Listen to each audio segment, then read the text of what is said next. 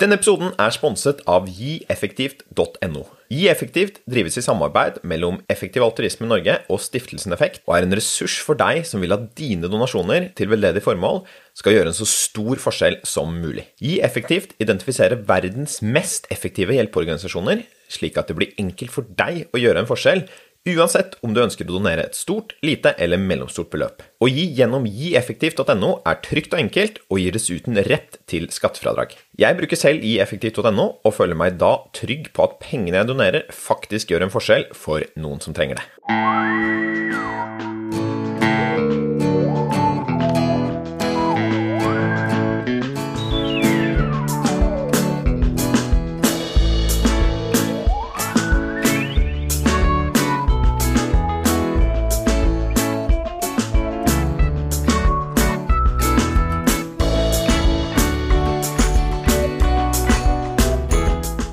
Fungerer egentlig psykoterapi? Det var ett av spørsmålene som ble tatt opp i Folkeopplysningen på NRK i en episode om psykisk helse blant unge. Og Konklusjonen der den var jo sånn grovt sett at terapi det funker, men at det ikke er særlig effektivt. Så Blant annet så sies det at vi må behandle syv personer for at én skal få effekt av terapi. Og Da tenker jeg at det er verdt å snakke litt om i denne podkasten her, og det er av to grunner. Eh, det første er at jeg har flere tidligere episoder med psykologer, og noen av de handler om terapi. Og så gjennom liksom, dette virket her, da, eller gjennom denne podkasten her, så har jeg egentlig da fremmet en del teorier fra psykologfaget og terapi som hjelpsomt for oss om vi vil få det bedre med oss sjæl og leve mer intensjonelle liv, da, som på en måte er det denne podkasten handler om. Og For det andre så har jeg en del episoder som handler om det med å tenke reflektert og forankret i forskningen om ting. Da. Så når vi skal bestemme oss for hva vi tror er sant da, om effekten av terapi, eh, så må vi kunne lese litt forskningslitteratur, fordi at eh, eksperter innenfor dette feltet her tolker den i, i ganske ulike retninger. Da. Så dette her så blir en episode både om én, fungerer terapi, og kan vi stole på psykologfaget? Skal vi grave litt i? Og to, hva skal vi mene når eksperter i et fagfelt er uenige? Og For å snakke om det som kom frem i folkeopplysningsepisoden, og, og grave litt videre, så har jeg med meg Vidar Ekerhold, som er psykologspesialist med doktorgrad fra Universitetet i Oslo. Så velkommen til deg. Tusen takk. Vil du si litt om uh, din uh, bakgrunn? Ja, det kan jeg. Um, jeg ble utdanna i, uh, i, Oslo. Jeg tok først uh, litt sånn brei tilnærming med ulike fag. Sosialpsykologi, sosiologi, bitte litt filosofi, litt film og lignende. Før jeg, før jeg bestemte meg for å faktisk bli psykolog. Uh, så gjennomførte jeg da profesjonsstudiet psykologi. Uh, etter det så har jeg hatt et såkalt dobbeltkompetansestipendiat, der man i løpet av en, i en og samme stilling utdanne seg, videreutdanne seg både som psykologspesialist og tar, eh, tar doktorgrad. Eh, og Da tok jeg doktorgrad ved Universitetet i Oslo eh, innen behandlingsforskning. og Da hadde jeg hovedvekt på langtidseffekter av psykologisk behandling. Etter det så har jeg òg jobba en del klinisk, mest i Oslo. Eh, og, og, nå har jeg eh, siste årene flytta til Stord, der jeg eh, er oppvokst. Og I tillegg til å jobbe klinisk, så har jeg da bygd opp og, leder et, et, såkalt lokalt kvalitetsregister. Der vi driver og måler effekt og trekker ut diverse variabler fra, fra behandlingene vi gjennomfører, da, så at vi får mulighet til å her hos oss se litt hvor hvor masse bedre ser pasientene ut til å bli. og ja, Er det noen som blir bedre enn andre, osv. Veldig kult at dere har sånn løp, det dobbeltløpet, hvor du både er liksom kliniker og forsker samtidig, på en måte, eller at de to tingene kan gå sånn hånd i hånd. Det høres ut som en styrke for, for fagfeltet, når jeg tenker på det.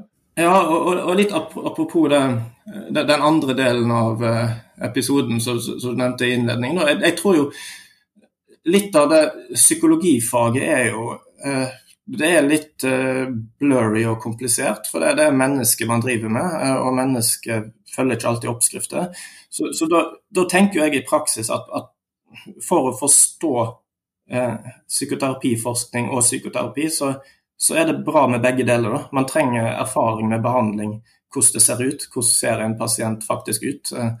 Og, og man trenger mer sånn ja, gruppedata og forståelse av statistikk. Da. Så jeg, jeg, jeg, tror det er en uh, nyttig kombinasjon. Da. Det er litt sånn interessant, og kanskje vi kommer inn på dem også, om, om, hva skal vi tro når vi på en måte får en klinisk erfaring med et eller annet. Og så bruker vi på en måte disse mm, spørreskjemametodene, eller de som er mer på en måte etablert som vanlige forskningsmetoder innenfor psykoterapiforskning. Og hvis, hvis, dette spriker, på en måte, vår kliniske erfaring og det som på en måte forskningen viser, da, så syns jeg i hvert fall at det er litt åpent hva vi skal tro. Er, er sant, egentlig. Og, og, det er kanskje noe at man kan si at det er forskjellige spørsmål som bør forsvares, eller eh, på en måte eh, begrunnes med forskjellige på en måte innganger. Da. Men jeg, jeg tror av og til at man skal stole på den erfaringen man gjør seg eh, med mennesker man møter, da, også på en måte. Og særlig kanskje innenfor noe som dette her, da, som, som psykoterapi i feltet det, det, er jo vanskelig å stille spørsmål ved, ved statistikk og forskning. Og Hvis forskningen sier én ting, og din subjektive opplevelse sier noe annet, så, så, så, er det vanskelig å forsvare din uh, subjektive opplevelse. Uh, men, men, men, samtidig så er jo på en måte faget vårt et fag som inneholder mange lag med tolkning.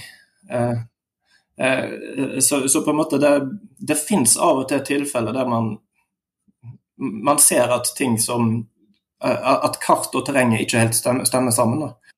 Ok, nei, Interessant. Jeg, jeg kommer jo fra eh, ledelsesfaget, og det er jo um, også av den art, på en måte, da, hvor, hvor det som de som sitter tettest på å jobbe med det, eller kanskje er ledere selv, da, har en del oppfatninger og gjør seg en del erfaringer som, som ikke alltid stemmer med det terrenget som, eller det kartet som tegnes ut da, i, i forskningen.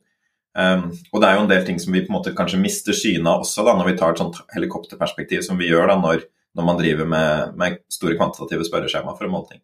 Dette kommer vi nok inn på. Eh, jeg tenker vi, For å liksom sone oss litt inn, da, så skal vi nå snakke om den episoden av Folkeopplysningen som het Syk, som er den siste som kom ut, eh, og som handler om unge psykiske helse. Eh, og Jeg har sett at du har en Twitter-konto, og der skjedde det litt i etterkant av den episoden. Vil du si litt om, om din reaksjon på den? Altså, Hva er det du reagerte mest på med, med den episoden? Jeg, jeg, reagerte på at um effekt av psykologisk behandling ble, ble framstilt på en måte uh, som jeg tror er veldig lett for seere å, å misforstå. Eh, og, og, da misforstå eh, i én bestemt retning. Eh, det, det, er jo litt Hele narrativet i programmet er jo litt lagt opp litt sånn at nå skal nå skal man på en måte avsløre at dette er ikke så virksomt som man egentlig har trodd.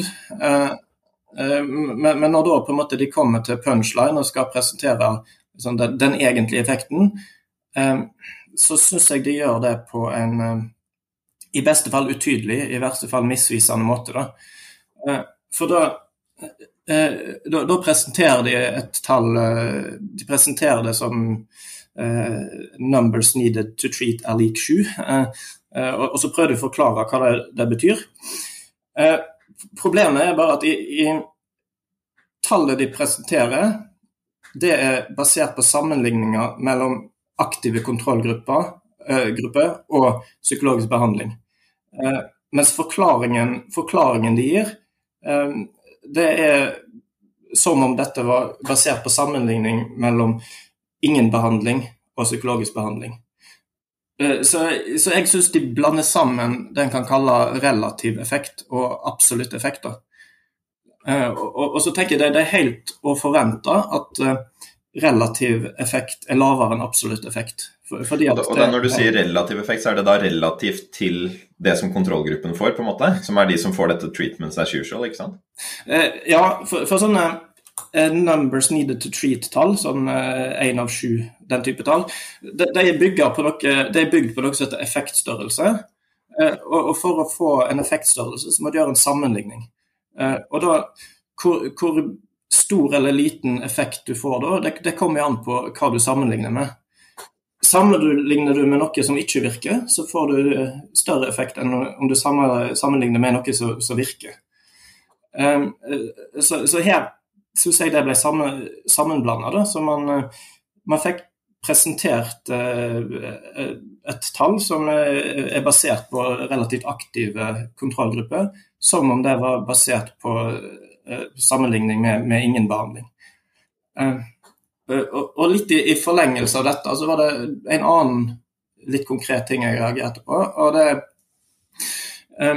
det at de presenterte ventelister som en såkalt nocebo-betingelse. Og, nocebo det er på en måte det motsatte av, placebo. Da, tenker man at det, er en betingelse som Det å bli satt på ventelista, det, det gjør faktisk at pasienter blir verre. Så, så de mener da at det, det skal være et argument for å ikke helt ta studier basert på sammenligning med venteliste så alvorlig. Da. Og, og det er òg et slags forsvar av eh, artikkelen de henter sine tall fra. Eh, for der, der blander, blander, forfatteren sammen venteliste. Men så har jeg sett litt nærmere på den, den forskningen som, som blir lagt til grunn for dette. Og, og i alle fall artiklene som han Kuipers eh, viser til, han som på en måte er mannen bak disse tallene som ble lagt fram, eh, de viser strengt tatt ikke at eh, venteliste er en nocebo-betingelse. Eh, det, de viser, er at sammenligning med, med venteliste det er en, en, snillere sammenligning. Det gir gjerne høyere resultat enn sammenligning med, med, ingen behandling.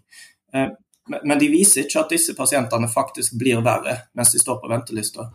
Eh, og så prøver de å, forklare hvorfor det kan være sånn, og da, da er hovedforklaringen de gir at eh, pasienter på venteliste ikke, ikke, oppsøker annen hjelp.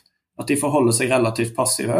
Mens en, en pasient som blir plassert på i, i en ingenbehandlingsgruppe, den, den kan søke hjelp på egen hånd. Poenget bak dette da, er at konseptuelt så tenker jeg da er ikke lenger eh, venteliste en, en nocebo-betingelse. Det er heller en enda tydeligere ingen behandling-betingelse. Og Her er det veldig fint, uh, fint, svar på dette. her, for Der opplever jeg at vi, vi, går egentlig ordentlig inn i kjernen av det vi skal snakke om, om her. da. Uh, og Bare for å sånn spole litt tilbake, tror jeg nå, og så egentlig komme tilbake på dette du sier her, da, så, så er det at når forskere skal finne ut hva som er effekten av psykoterapi, så må de ha en sammenligningsgruppe. Ja. Um, og det er ganske stor uenighet om hva som er en god sammenligningsgruppe. ikke sant? Og, og det som er liksom fint da når vi snakker om dette her nå, er at både de forskerne som er kritiske til psykoterapi og positive til psykoterapi, de er enige om at når man sammenligner effekten av terapi med folk som er på venteliste, så ser det ut som at psykoterapi er veldig effektivt. Så hvis vi på en måte tenker at det er en, en, en riktig kontrollgruppe, så mm. ville vi komme til en, en, en annen konklusjon da, eh, enn en den som er på Folkeopplysningen. Mm. Og så er også De samme forskerne, både de som er positive til psykoterapi og de som er kritiske til psykoterapi, de er enige om at når man sammenligner effekten av terapi på treatment as usual-grupper, som vi kan komme tilbake på det her, så får du en ganske lav effekt av psykoterapi. Så det er et ganske avgjørende spørsmål her da, er hva tenker vi er en god kontrollgruppe. Mm. Uh, men for å liksom gå, før vi går inn dit, da, så ser vi jo at dette her er på en måte sammenligninger som gjøres i såkalte metaanalyser. ikke sant? Fordi at det er mange studier på, på, effekten av psykoterapi som prøver å si noe om det. Mm. Og Der brukes det veldig mye eh, forskjellige kontrollgrupper, det gjøres på litt forskjellige måter. og Da kan man ikke stole på disse enkeltstudiene. Eh, og Både forskere som er kritiske til psykoterapi og eh, positive til psykoterapi, de henviser ofte til såkalte metaanalyser for å underbygge det standpunktet sitt. Ja. Så Vil du si litt om på en måte hvordan man generelt måler effekten av psykoterapi, og hva en metaanalyse er. Og så kommer vi liksom straks inn i dette med hva er en god kontrollgruppe etter det. I enkeltstudier så, så måler man typisk effekt via spørreskjemaer. Eh, spørreskjemaer som, der man spør pasienten sjøl. Og, og, og, da kan det enten handle om eh, symptomer, symptomnivå, om eh, funksjonsnivå, sosialt eller i arbeid eller lignende. Det kan handle om, om velvære, hvor bra man føler seg, eller, eller, eller, det kan være en kombinasjon av, av denne type ting. Og så, og så, spør man typisk samme pasienter samme spørsmål flere ganger, og så ser man, ser man på utviklingen. Eh, og, og, da kan man, eh, liksom, i, i, de enkleste studiene, så kan man da se, se hvor stor forskjell er det fra start til slutt. Eh, men, men så kan man òg gjøre det litt mer avansert enn det. Man kan prøve å kontrollere for uh, ulike ting, som f.eks. at uh, folk kan bli bedre bare av seg sjøl ved at tida går. Folk kan uh, ja, Man er kanskje ikke bare interessert i om dette virker, man er interessert i om det virker bedre enn andre ting osv. Og, og, og da kan man på en måte bruke ulike sammenligningsbetingelser. Eh, men det kommer vi tilbake til. Og så er det dette med metaanalyse. Kan du si kort hva en metaanalyse er? liksom? Ja, det, det er kort sagt en, en slags, et forsøk på å legge sammen effekt av veldig mange enkeltstudier. Fordi at eh, enkeltstudier kan jo eh, sprike i mange retninger.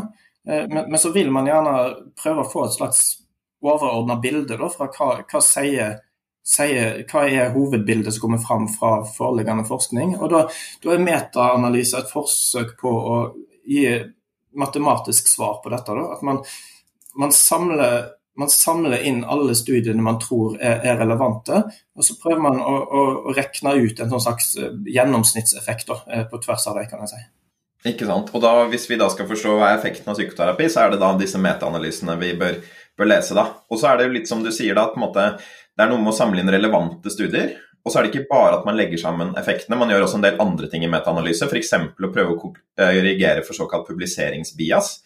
Og det vi ønsker, er jo på en måte da å finne den sanne effekten av terapi. da. Og litt avhengig av hvordan man gjør de øvelsene, her, da, hva man tenker på som en relevant studie, og hva man tenker på er liksom um, effekten av f.eks. publiseringsbias eller andre ting som kan gi en skjevhet da, på en måte i resultatene i enkeltstudiene, så vil disse metaanalysene også gi veldig forskjellige svar. Og, og, det er jo kanskje to på en måte metaanalyser vi nå kan liksom sammenligne litt her, da, som, som, jeg har lest, og som jeg vet at du også har, eh, har, lest. og Det ene er et studie fra Munder og kolleger, som er en metaanalyse fra 2018. Den er skrevet av flere fremtredende forskere på psykoterapi. Og så er det denne Kuipers-studien, som også er fra 2018, som eh, er mer kritisk da, til effekten av psykoterapi. Og jeg tror det er det siste studiet som han derre Joar eh, Øverås Halvorsen henviser til. Uh, når han er ekspert i Folkeopplysning-episoden og sier at dette er eh, et, noe som tyder på at NNT, altså Numbers Needed to Treat, er, er sju. Da. Altså at man må på en måte gi behandling til syv pasienter for at én eh, skal få effekt. Eh, så helt så kort så finner jo denne Munder, altså denne studien som er litt positiv da, til psykoterapi, finner en effektstørrelse på 0,7, mens Kuiper-studien lander på en effektstørrelse på 0,3. Vil du hjelpe oss å bare tolke de tallene? Altså, her er det en SMD på 0,7 og 0,3. Altså, hva er det disse to tallene her på en måte betyr? da? Hvordan skal man liksom uh, hva, betyr det hvis SMD på 0,7 faktisk er sant, og hva betyr det hvis en SMD på 0,3 er sant? liksom? SMD det, det er en form for effektstørrelse. da. Uh, og, og med effektstørrelse så tenker vi at uh, en effektstørrelse på 1, det, det betyr ett standardavvik endring at da, da, endrer den typiske pasienten seg med ett standardavvik. Eh, men så kan jo det fortsatt være litt kryptisk hvor masse det. er. et eksempel, så Jeg vet ikke hvor langt jeg kan dra den analogien, men et eksempel En type skårer folk ofte er mer kjent med enn på en måte psykoterapiforskningsskårer, det, det, er jo intelligensskårer, IQ. da. På, på en IQ-skala så, så, er gjennomsnitt 100, og et standardavvik er 15. Så, så hvis man, man, har en uh, intervensjon da, som uh, hjelper deg å bli smartere uh, Hvis den har en effektstørrelse på 1, så, så, så kan en tenke at pasienten har blitt omtrent 15 IQ-poeng smartere. Men så er det jo litt sånn konvensjoner da, for å hva, regner man er en stor, medium og liten effekt? Og Da regner man gjerne at en effektstørrelse rundt 0,8 er stor. En effektstørrelse på rundt 0,5 er medium. En effektstørrelse på 0,2 er, er, liten. Så, så, jeg tenker den, den høyeste av effektstørrelsene du, du nevner, den, den, er oppe og snuser på stor, liksom medium til stor. Mens den andre du nevner, den er nede og snuser på, på liten. Medium til liten, eller liten til medium. ja. Ikke sant? Så Ganske avgjørende da, på en måte om 0,7 eller 0,3 er, er på en måte det sanne tallet her. da. Ja, for det er jo ulike tall. Ja, veldig ulike tall. Eh, og, og, det er litt sånn fascinerende at, eh, at, folk som på en måte i utgangspunktet bruker en ganske lik metode, altså, altså begge er, eh, går inn for å aggregere høykvalitetsstudier da, i en metaanalyse, og så ender man så forskjellig. da. Um, og så, så, lurer jeg litt på hva, hva, er, hva, er, det som teller som en intervensjon her? da? For jeg hører at en intervensjon kan gi enten en effekt på 0,7 eller 0,3. Er det én time med terapi, eller er det et langt terapiforløp eller et middels terapiforløp? liksom? Her tenker man, man tenker jo Når man skal prøve å si noe om effekten av psykologisk behandling, litt sånn overordna, så, så, tenker man et terapiforløp. At, at, fra pasienten kommer inn i terapi til pasienten avslutter terapi. Og Er, er det et sånn timeantall, sånn sirkus på det da, liksom? Eller er det, det, det varierende med retning og alt mulig? Det varierer, det. Men i, i forskningen så, så, er det kanskje vanlig med ikke veldig lange forløp. Kanskje sånn typisk sju-åtte timer, men, men, det, men, det, kan variere. Da. Det kan variere, og det, det varierer både i forhold til ulike metoder, i forhold til problematikk og litt sånn i, hva setting det er. Om dette er, eh, en, måte, ja, en, en, strengt definert forskningsprotokoll der de gjør det på en bestemt måte, eller om det er mer åpne ja, behandlinger. Også, så Det er også interessant at hva som er en intervensjon kan, kan være ganske forskjellig liksom, på tvers av disse studiene, sikkert, og, og, og på tvers av metoder. Eh, disse på en måte SMD-ene oversettes ofte til en sånn NNT, altså Numbers Needed to Treat. Og Det tenker jeg er liksom fint å si noe om, siden det er det som brukes på folkeopplysning-episoden også. At um, man kan eh, det, det, virker som de sier da at en NNT for psykoterapi, da, hvis man tar, tar dette, disse kritiske studiene til grunn, de er på omtrent syv. Altså at man må behandle um, syv pasienter for at én skal få effekt. Betyr det da at en SMD, altså en sånn standard mean difference, tror jeg det heter, på 0,3 eh, tilsvarer en NNT på 7, på en måte? Er, er, det en sånn overlapp mellom de numrene der? For hvert grep man gjør, og for hver omregning man gjør, så, så introduseres nye, nye, valg og nye usikkerheter. Så jeg tenker eh, NNT er en omregning av effektstørrelse igjen. Og, og, så, og så skulle man ønske at det var så enkelt at det bare finnes en tabell der du kan se størrelsen på eh, effekt. Effektstørrelse er lik så og så høy. Eh, det gjør det, og i så fall, hvis man følger den, så, så tilsvarer effektstørrelse på 0,3 NNT-tall på 6 og ikke 7. Men hvis jeg stopper der, så, så kommer, kommer, folk til å klage at det, det finnes jo en annen måte å regne NNT på. Eh, som er, er strengere. Eh, og, og, det er den eh, Kuipers har lagt til grunn når han, når han finner sine tall. Og, jeg har prøvd For å regne ut det, så trenger du litt mer informasjon. Du trenger litt flere tall. Jeg har ikke funnet at Kuipers oppgir de tallene man trenger i artikkelen sin, så jeg kan ikke dobbeltsjekke det. Så da, da får man enten stole på Kuipers eller ikke. Og så hører jeg at avviket her er ikke så stort, på en måte, så du kan si at ved Kuipers sine effektstørrelser til grunn, da, så får du enten en NNT på 6 eller på 7, liksom. Eh, og, og, så lurer jeg litt på hva det betyr, på en måte, at en person er behandlet, liksom. For det, sånn der, det høres ut på folkeopplysningen, så er det at ok, det kommer um, syv personer da, inn til en terapeut, og så er det på en måte én av de som får effekt. Og hva betyr det å få effekt i denne sammenhengen her, på en måte? Å være treated, betyr det at da kommer du inn med depresjon og er helt fri fra den? Eller at du får et symptomtrykk som er på en måte relevant for deg i hverdagen. liksom. For jeg regner jo med at altså, Det å få hjelp av psykologisk behandling da, er jo ikke en binær ting. Det er ikke sånn at enten er du behandlet, eller så er det alt som før. på en måte. Jeg regner med at de fleste ligger et sted imellom der. Kanskje noen ikke får hjelp i det hele tatt. Men at, at det er ikke sånn at, på en måte, at syv kommer inn og så blir én frisk. Det, det, er vel mer at på en måte, de, mange av de som kommer inn, får en viss effekt. Og så vil den sikkert uh, variere, da, den effekten der. Så det er litt sånn kryptisk for meg fortsatt hva det egentlig betyr, dette her med å være treated og, og en NNT på, på 7 eller 6. da. Ja, og der òg syns jeg at det blir at det, det, er kanskje mer forvirrende enn oppklarende da, å slenge ut dette én eh, av sju-tallet. For, fordi at eh, det finnes ikke et absolutt fasitsvar på det du spør om her. Eh, eh og, og, en kan I ulike studier og i ulike utrekninger og analyser så kan man legge litt ulike eh, premiss til grunn. da. Eh, så jeg tenker, eh, I virkeligheten eh, så er det jo sånn som du sier, at noen blir helt bra, helt friske, hvis man vil kalle det det. Noen blir merkbart bedre, men har en restplage. Noen blir litt bedre, noen blir ikke bedre. Noen blir faktisk verre. Så på en måte dette kommer an på valg man tar i, i enkeltstudier, hvordan man operasjonalisere bedring, og, og, valg man tar i, i, forhold til utrekning og analyser. Da. Og så er det en annen sånn, kanskje en ting som er verdt å touche på her. da. Eh, det jeg opplever at de sier i Folkeopplysningen, er at hvis syv personer kommer og får terapi, så er det fire av de som kommer til å bli bedre. Men de tre av de fire kommer til å på en måte bli det uansett. Litt uavhengig av om de får terapi eller ikke. Og nå er vi liksom inne på dette med sammenligningsgrunnlag og sånn. Og, og, da tenker jeg at på ett vis så kan man si at bare én av syv får hjelp. Men på et annet vis så kan man jo si at egentlig én av tre får hjelp, da.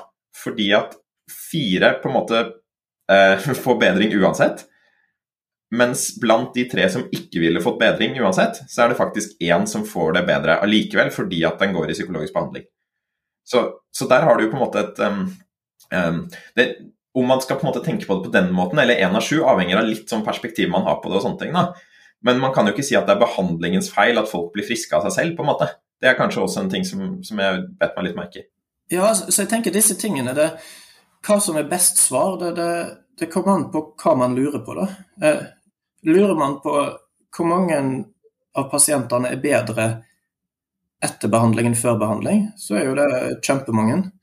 Eh, lurer man på hvor mange pasienter som blir, er bedre etter behandling enn de ville blitt hvis de hadde gjort ingenting i, i samme tid, så er det tallet litt mindre.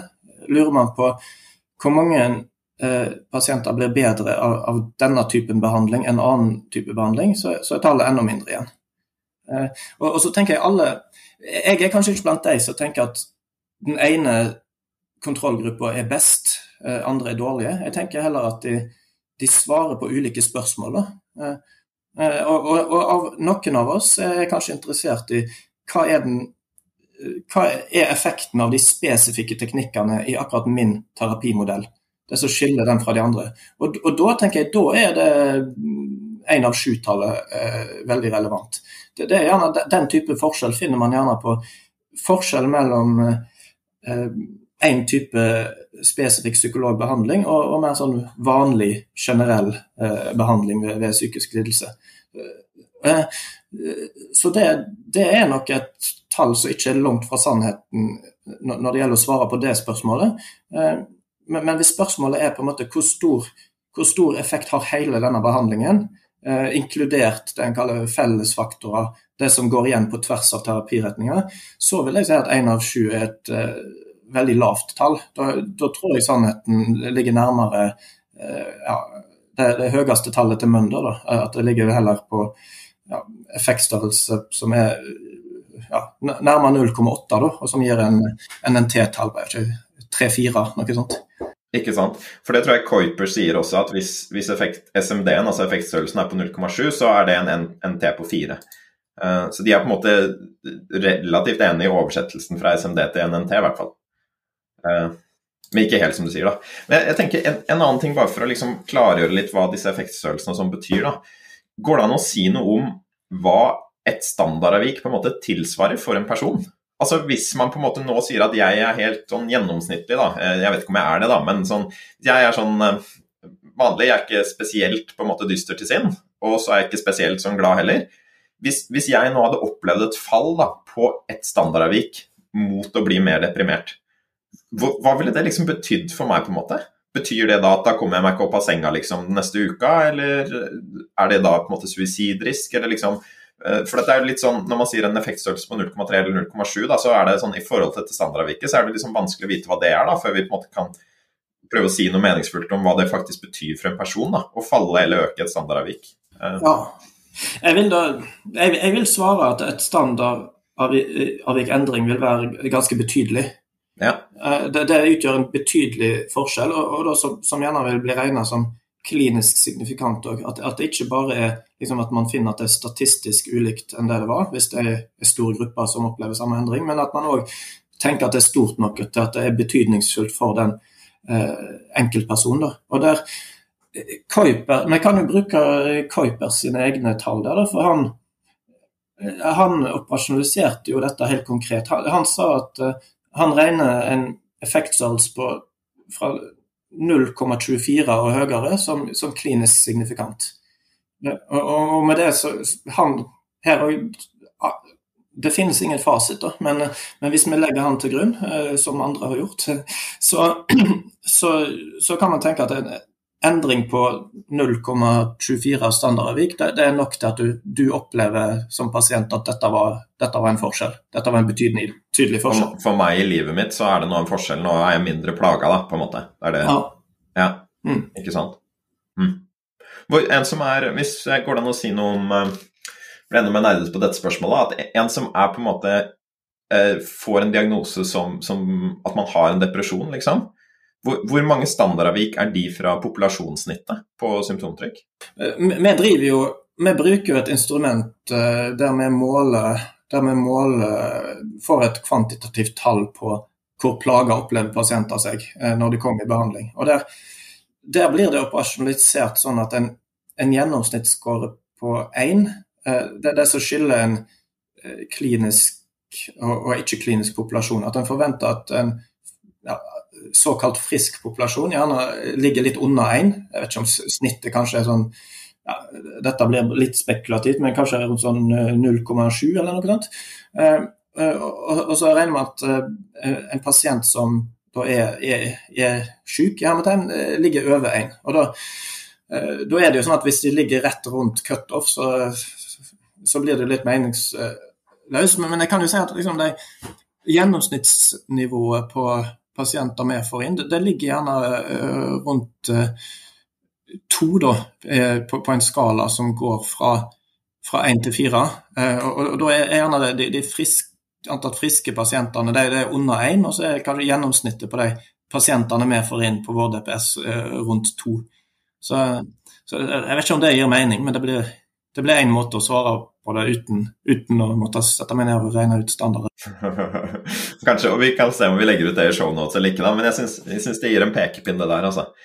Um, så, så, hvis vi på en måte sier at der er vi, da. Vi tenker at et, um, en effektstørrelse på 0,7 det er noe som er høyt. En effektstørrelse på 0,3 er ganske lavt, egentlig. Uh, og der, Her lander disse to forskjellige metaanalysene, som er skrevet av gode, seriøse forskere. da. Og Det som gjør at resultatet blir så ulikt, sånn som jeg leser det, er i hovedsak to ting. Det ene er hva tenker vi er en god kontrollgruppe, og det andre handler om korrigering for publikasjonsfeil. Så la oss snakke litt Ja? Eh, ja, jeg er ikke helt enig i det. For eh, mm. sånn jeg forstår, så eh, korrigerer Mønder òg for publikasjonsfeil. Ja, enig. Det er kanskje hvordan man gjør det, da. Ja. At Kuipers er strengere eller gjør det på en litt annen måte. Eller, jeg, jeg kan, hvis, hvis, jeg får lov å omformulere deg bitte litt Ja, gjør det. Ja, jeg tenker det, det, jeg er enig i at det er to, to forskjeller som er, er, vesentlige. Eh, det ene er hvordan de forholder seg til kontrollgrupper. Eh, og det andre er på de kvalitetsindikatorene, risk of bias, som Kuipers legger til grunn. Det høres, høres ryddig ut, og vi kommer inn i det. La oss, la oss begynne med det første først. Da, for der er det, det er kanskje det som gir det største utslaget, er liksom hva er en, en god kontrollbetingelse. Ja. Eh, og der er det litt som du sier, at Hvis man skal finne ut hvor godt funker psykoterapi, mm. så må man ha en kontrollbetingelse. Og Det er fordi at pasienter vil få en endring, også på en måte helt, helt uavhengig av behandlingen de får. Så Hvis man bare på en måte måler hvordan går det med disse pasientene som kommer til psykoterapi, så vil du på en måte få en effektstørrelse som er mye større enn den egentlig er. fordi at veldig mye av den effekten de får over tid, handler ikke om terapien, det handler om at de bare blir bedre av seg sjøl. Så du trenger et sammenligningsgrunnlag. Og Da kan man jo tenke at det perfekte sammenligningsgrunnlaget da, ville være folk som kommer og tror de får psykoterapi, men egentlig ikke får det. For da ville du få noen som på en måte, da ville du klare å på en måte korrigere for den eventuelle placeboeffekten som man, man, ville fått, eh, som man kanskje får uansett av terapi. Mm. Og så kan man jo ikke gjøre det. ikke sant? Det er jo det som er litt sånn kompliserer ting her. Du har ikke den mulighet til å gjøre denne perfekte kontrollgruppe-greia, eh, fordi at det ville vært på en måte etisk uforsvarlig da, å ta inn folk med psykisk sykdom og si at eh, her får du terapi, men så gir vi deg egentlig noe annet da, fordi vi ønsker å få gode tall på det. Um, så kan du bare liksom si, hva tenker du, Er du enig i det resonnementet mitt om at på en måte, det ville vært en ideelle kontrollbetingelse, og at det ikke er mulig? To ting. Jeg, jeg, jeg vil jo stå på at jeg, jeg syns egentlig ikke at noen kontrollbetingelser per definisjon er bedre enn andre, så lenge du er tydelig på hva du sammenligner med. For jeg synes, eh, Det første du sier, det er hvor mye bedre er pasienter ved avslutning enn start. Jeg syns ikke det er et helt uinteressant spørsmål. Jeg. Og kanskje, kanskje, er det en av de mest interessante spørsmålene for pasienter. Eh, helt enig i det, da. Jeg, jeg, tror det er ja. veldig interessant. Og det er kanskje det som er det viktige for pasienten. Men det svarer ikke på spørsmålet som eller altså Det grunnleggende spørsmålet er hvor mye effekt gir psykoterapi? da, Og det ja. svaret får du ikke gjennom å sette opp på den måten. Ja, nemlig. Så, så, hvis du lurer på det, det som gjerne og, og sånne ting som vi, vi, som forsker på det og er interessert i faget, lurer mer på, så, så må du jo kontrollere for ulike ting. Ja. Og da, da, da, kontrollerer ikke det for tid, bl.a. At mange, mange, blir bedre ved at tida går, og av andre, andre grunner. Eh, og da, ja, så, som vært innom, så finnes det ulike kontrollbetingelser da, så mer eller mindre effektive i seg sjøl. Og, og, så er jo en måte å angripe det på, da, for hvis man, det man er ute til, er liksom den, den, spesifikke effekten av denne behandlingsformen, eh, som man ikke får med en hva som helst rituale der pasienten får håp og eh, osv., da, da, da er placebo en god betingelse. Og eh, Placebomedisin f.eks. er jo det er veldig effektivt. Eh, og det er jo litt sånn Det er interessant. Litt skummelt og, litt interessant. Men, men ja, det er, det er, veldig interessant det du sier der. fordi det er jo spennende om man skal tenke på at placebo er en del av behandlingen, eller noe vi skal kontrollere for. på en måte. Eh, men jeg tenker sånn, tradisjonelt i medisin, hvis du gir antidepressiva, så er det jo vanlig å placebokontrollere.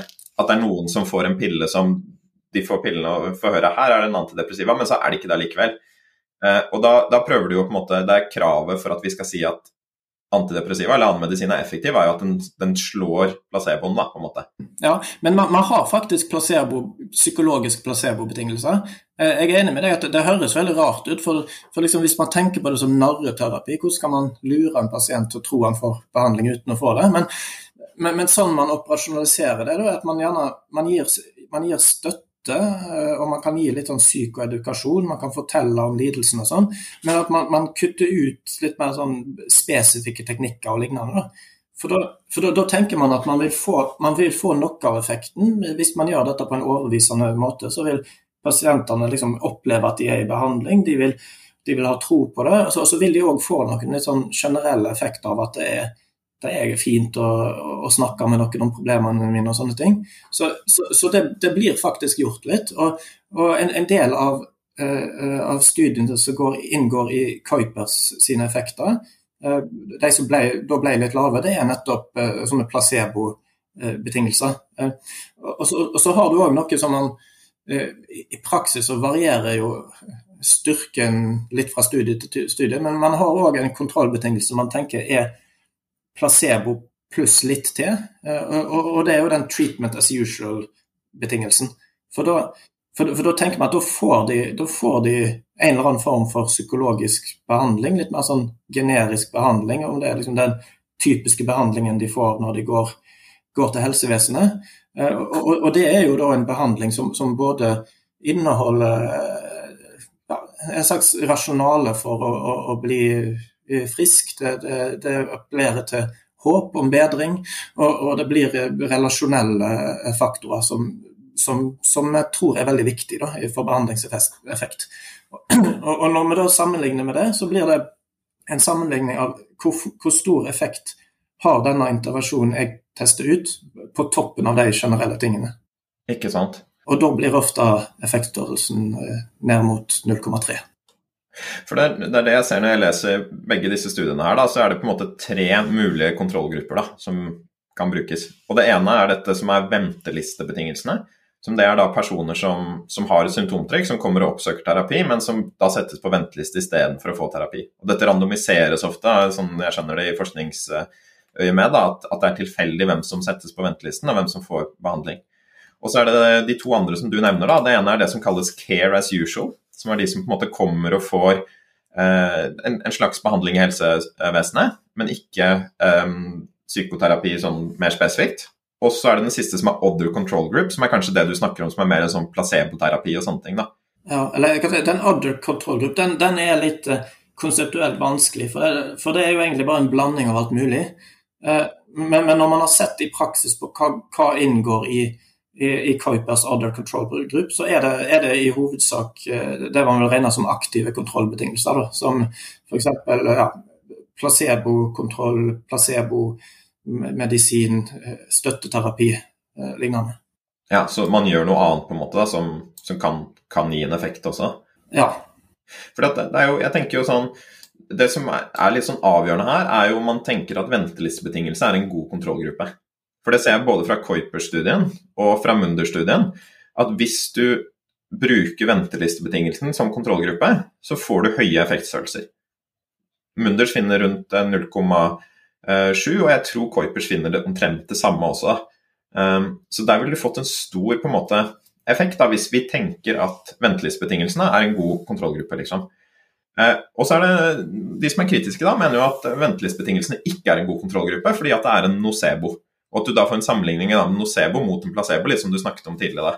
Så um, hva, hva, er det som liksom, For her kan vi prate litt om det, bruke litt sånn tid på akkurat den der om på en måte ventelistebetingelsen er en god kontrollgruppe. Altså Dette er pasienter da, som kommer inn og um, søker terapi, har et symptomtrykk, da, men som ender opp med å ikke få terapi, men heller gå på, være på en venteliste isteden. Uh, fordi at jeg tror det er her den store uenigheten er, altså, om det er en stor kontrollgruppe eller ikke. Det er det som er avgjørende for om måte, vi tenker at terapi har en god effekt eller eh, en dårlig effekt, egentlig. altså. Så, så, hva tenker du rundt det med å bruke på en måte ventelistepasienter som en kontrollgruppe til terapi? Eh, jeg tenker at det er greit så lenge man opplyser at det er det man sammenligner med. Eh, og, og, og da tenker jeg sånn at, at eh, originalt, tradisjonelt, så har man tenkt motsatt. At venteliste faktisk er Det hjelper litt. At Blir man satt på venteliste, så, så får man litt håp. Og, og, nå skal man få behandling, nå skal det ordne seg. Uh, I tillegg til at man har sett rent empirisk da, at de, de, de, faktisk blir litt bedre. Uh, og, så, og, så, blir det utfordrende nå. Uh, men, men, da syns jo jeg at de, de, bevisene som har blitt lagt fram, de, de, sier fremdeles ikke at venteliste er en nocebo-betingelse, sånn, sånn, jeg forstår det. De, de, sier heller at venteliste er en svakere betingelse enn en no treatment. Eh, nettopp fordi at ventelistepasienter de, de, blir ikke verre, men de blir eh, passive. Så de, de gjør ikke andre ting som eh, ville skapt bedring, f.eks. å oppsøke annen terapi. Men da, men da, tenker jo jeg at hvis man tenker litt konseptuelt rundt det, det, det så blir jo konklusjonen av det det blir jo ikke at venteliste er en dårlig betingelse eller en nocebo-betingelse. Det betyr at venteliste kanskje blir den tydeligste ingen behandling-betingelsen. Så, så, hvis spørsmålet du lurer på er hvor masse mer effektivt er psykoterapi enn ingen behandling, så tenker jeg jo da fort, fortsatt tenker jeg da at venteliste er en god, god betingelse til å eh, svare på det spørsmålet. Og det er, jo, det er, jo, det vi lurer på, tenker jeg. Altså, Hva er på en måte sammenligningen av, av terapi kontra ingenting? Eh, jo, og, det, det, og, det, er kanskje akkurat det jeg reagerer mest på, da, med, sånn det ble framstilt i, i folkeopplysning. For jeg tenker, det tror jeg er det spørsmålet som eh, de fleste i publikum sitter og lurer på. Og så, og så er det òg sånn de forklarte disse tallene, så samsvarer det òg med nettopp det spørsmålet. Men så valgte de heller å presentere dette eh, ved 0,3-tallet, eh, NNT er lik 7, som jeg tenker heller svarer på noe annet. Det er heller svarer på hvor masse mer effektivt er psykoterapi enn annen aktiv behandling. Ja, Som er den sammenligningen med care as usual. For der er de fleste enige om at da ender du på en effektstørrelse på 0,3-0,4. Noe i den duren, på en måte. Ja, den, den, blir naturlig nok lavere. Ja. For å på en måte være litt djevelens advokat på dette ventelistebetingelsene, så kan jeg jo, der kan jeg jo si at sant, jeg, hvis jeg skal liksom ta dette nocebo-argumentet og pakke det ut, da, så ser jeg på en måte fungerer sånn at jeg er deprimert, og så kommer jeg på en måte og vil ha behandling. Og så får jeg beskjed om at nei, du får ikke behandling allikevel. Og at jeg kom med et håp da, om at nå skulle jeg få hjelp til å få det bedre, men så sier helsevesenet nei, det får du ikke allikevel. Og så går jeg hjem og er liksom bitter og, um, um, og, og, litt sånn resignert, da, fordi at nå er det ikke noe hjelp å få allikevel, selv om jeg trenger det, på en måte. Så, så det er jo det som kanskje menes med en nocebo-effekt, at, at man, man, på en måte opplever det på sin måte. Man opplever det som aktivt kjipt da, å bli på en måte avvist da, når man søker behandling. Og at et mer rettferdig sammenligningsgrunnlag burde jo vært en pasient som ikke søker behandling, men som på en måte uh, fortsetter livet som før, da, uten, og uten å få det på en måte um, den avvisningen da, som, som, det å stå på venteliste er. Ja, men, men jeg, jeg, tenker at jeg, jeg, er ikke helt enig i at det de får beskjed om, er at du får ikke behandling. Det de får beskjed om, er at uh, du får behandling, du må bare stå litt i kø. Man kan se for seg det ene og det andre. Da. Man kan se for seg at dette de får håp om at de skal få hjelp, dette skal ordne seg, bare vente litt. Eller de kan se for seg at uh, venter, jeg, jeg, kan ikke vente, det må skje nå. Så blir det frustrerende. Uh, men, men, jeg tenker jo her at det man det man alltid har tenkt og trodd, basert på, på ja, kunnskapene man har hatt tidligere, det er at uh, det ikke er nocebo-betingelse. Og, og, og, og, hvis jeg da skal endre mening og nå tenke at det er nocebo-betingelse, så vil jeg gjerne ha litt tydelig empiri for det. da. Og, så, og så, så jeg på en måte empirien som Kuipers la til grunn, og den syns jeg faktisk ikke overbeviser meg om at venteliste er nocebo-betingelse. Jeg ser at uh, han Joar Halvorsen har noen andre referanser til det med at dette er en, uh, en nocebo-betingelse. De kan vi lenke til i shownotene. Det, det er ikke noe jeg har lest i forkant av dette her også. Men jeg, jeg syns jo det bildet du tegner med at det å, å bli satt på venteliste er på en måte Det skal i hvert fall ikke oppleves som en avvisning, på en måte. Det skal bety at ok, nå ser vi at du sliter her, og vi skal få deg i terapi, men ikke med en gang, på en måte. Det er det, det, er det som er, er, greia, egentlig, da. Ja, og så kan jeg ta en liten sånn uh, avgrensing av, av uh, min, min, kunnskap òg. Det, det, jeg kan mest om, det er både forskning på behandling av, uh, av voksne. Og, og, da i hovedsak ja, angst, depresjon, personlighetsforstyrrelser, den type ting. Så, så det er ikke sikkert alt jeg sier er, gyldig for barnefeltet, f.eks. Der er ting enda, mer komplisert. Ikke sant. Eh, det er noe kanskje i det du sier med at de som er på venteliste, har, har, mindre bedring enn de som er no treatment. på en måte. Og det, det, tenker jeg er sånn, Isolert sett så høres det ut som noe som uh, uh, som på en måte peker i retning av at venteliste er en nocebo. Hvordan, hva tenker du er grunnen til at de som er på venteliste, får mindre Eh, bedring over tid enn de som er på no treatment? Ja, ja for, for, men det kan jo nettopp bety to ting. Det kan bety enten at de på venteliste blir verre, eller de i no treatment-gruppa blir litt bedre. Og, eh, og, og det tenker jo jeg, i, i, likhet med de som har utført disse studiene, at kanskje en forklaring er at de som havner i en no treatment-betingelse, de tenker nettopp sånn som du foreslo, at de tenker skal ikke jeg få behandling? Eh, men, så langt kunne man tenkt at det var en nocebo-betingelse, men, men, men, de har jo da muligheten til å søke annen hjelp. De tenker, da, da får ikke jeg behandling her. Eh, men så har de muligheten til å søke annen type hjelp. Eh, mens de som står på venteliste, de søker gjerne ikke annen hjelp, for de skal få hjelp. De skal bare vente på den. Og, og, og, jeg, og jeg, tenker, jeg, jeg, er åpen for at det skaper en forskjell da, mellom gruppene, og at det kan gjøre at uh, no treatment, som det blir operasjonalisert i praksis ofte, er en Eh, strengere betingelse eh, enn en venteliste. Men jeg er, jeg er, uenig i at eh, forklaringen på det er at venteliste er, er nocebo. Da. Ja, veldig fint resonnement der, altså. For sånn som jeg skjønner det da, så er det egentlig at folk er ikke passive til dette her, da. Og vi vet ikke hva no treatment-gruppa foretar seg, på en måte. Og det kan hende at de gjør ganske mye aktivt. At de på en måte prøver å Altså det finnes jo masse fagstoff på hvordan på en måte håndtere psykiske lidelser også på egen hånd, da, som, som, jeg tror ofte er ganske godt. Og, og, kanskje at de på en måte eh, oppsøker folk som er viktige for dem, eller snakker med dem om det, eller, eller, eller går i jeg vet ikke, det alternative behandlingstilbudet som finnes. Det finnes jo også ganske mange utenfor det offisielle eh, eller offentlige helsevesen som, som, tilbyr greier som skal hjelpe mot, eh, mot psykiske lidelser. Så, så vi, vi, kan tenke oss at det kan godt hende at de gjør mer sånt. da. Og, og, og ironisk nok så er Eh, så er dette en, en forklaring som, eh, som, blir foreslått i, i, disse studiene, som viser, uh, viser forskjeller mellom uh, venteliste og no treatment-betingelser. Vi er ikke så langt unna at alle er enige, tror jeg.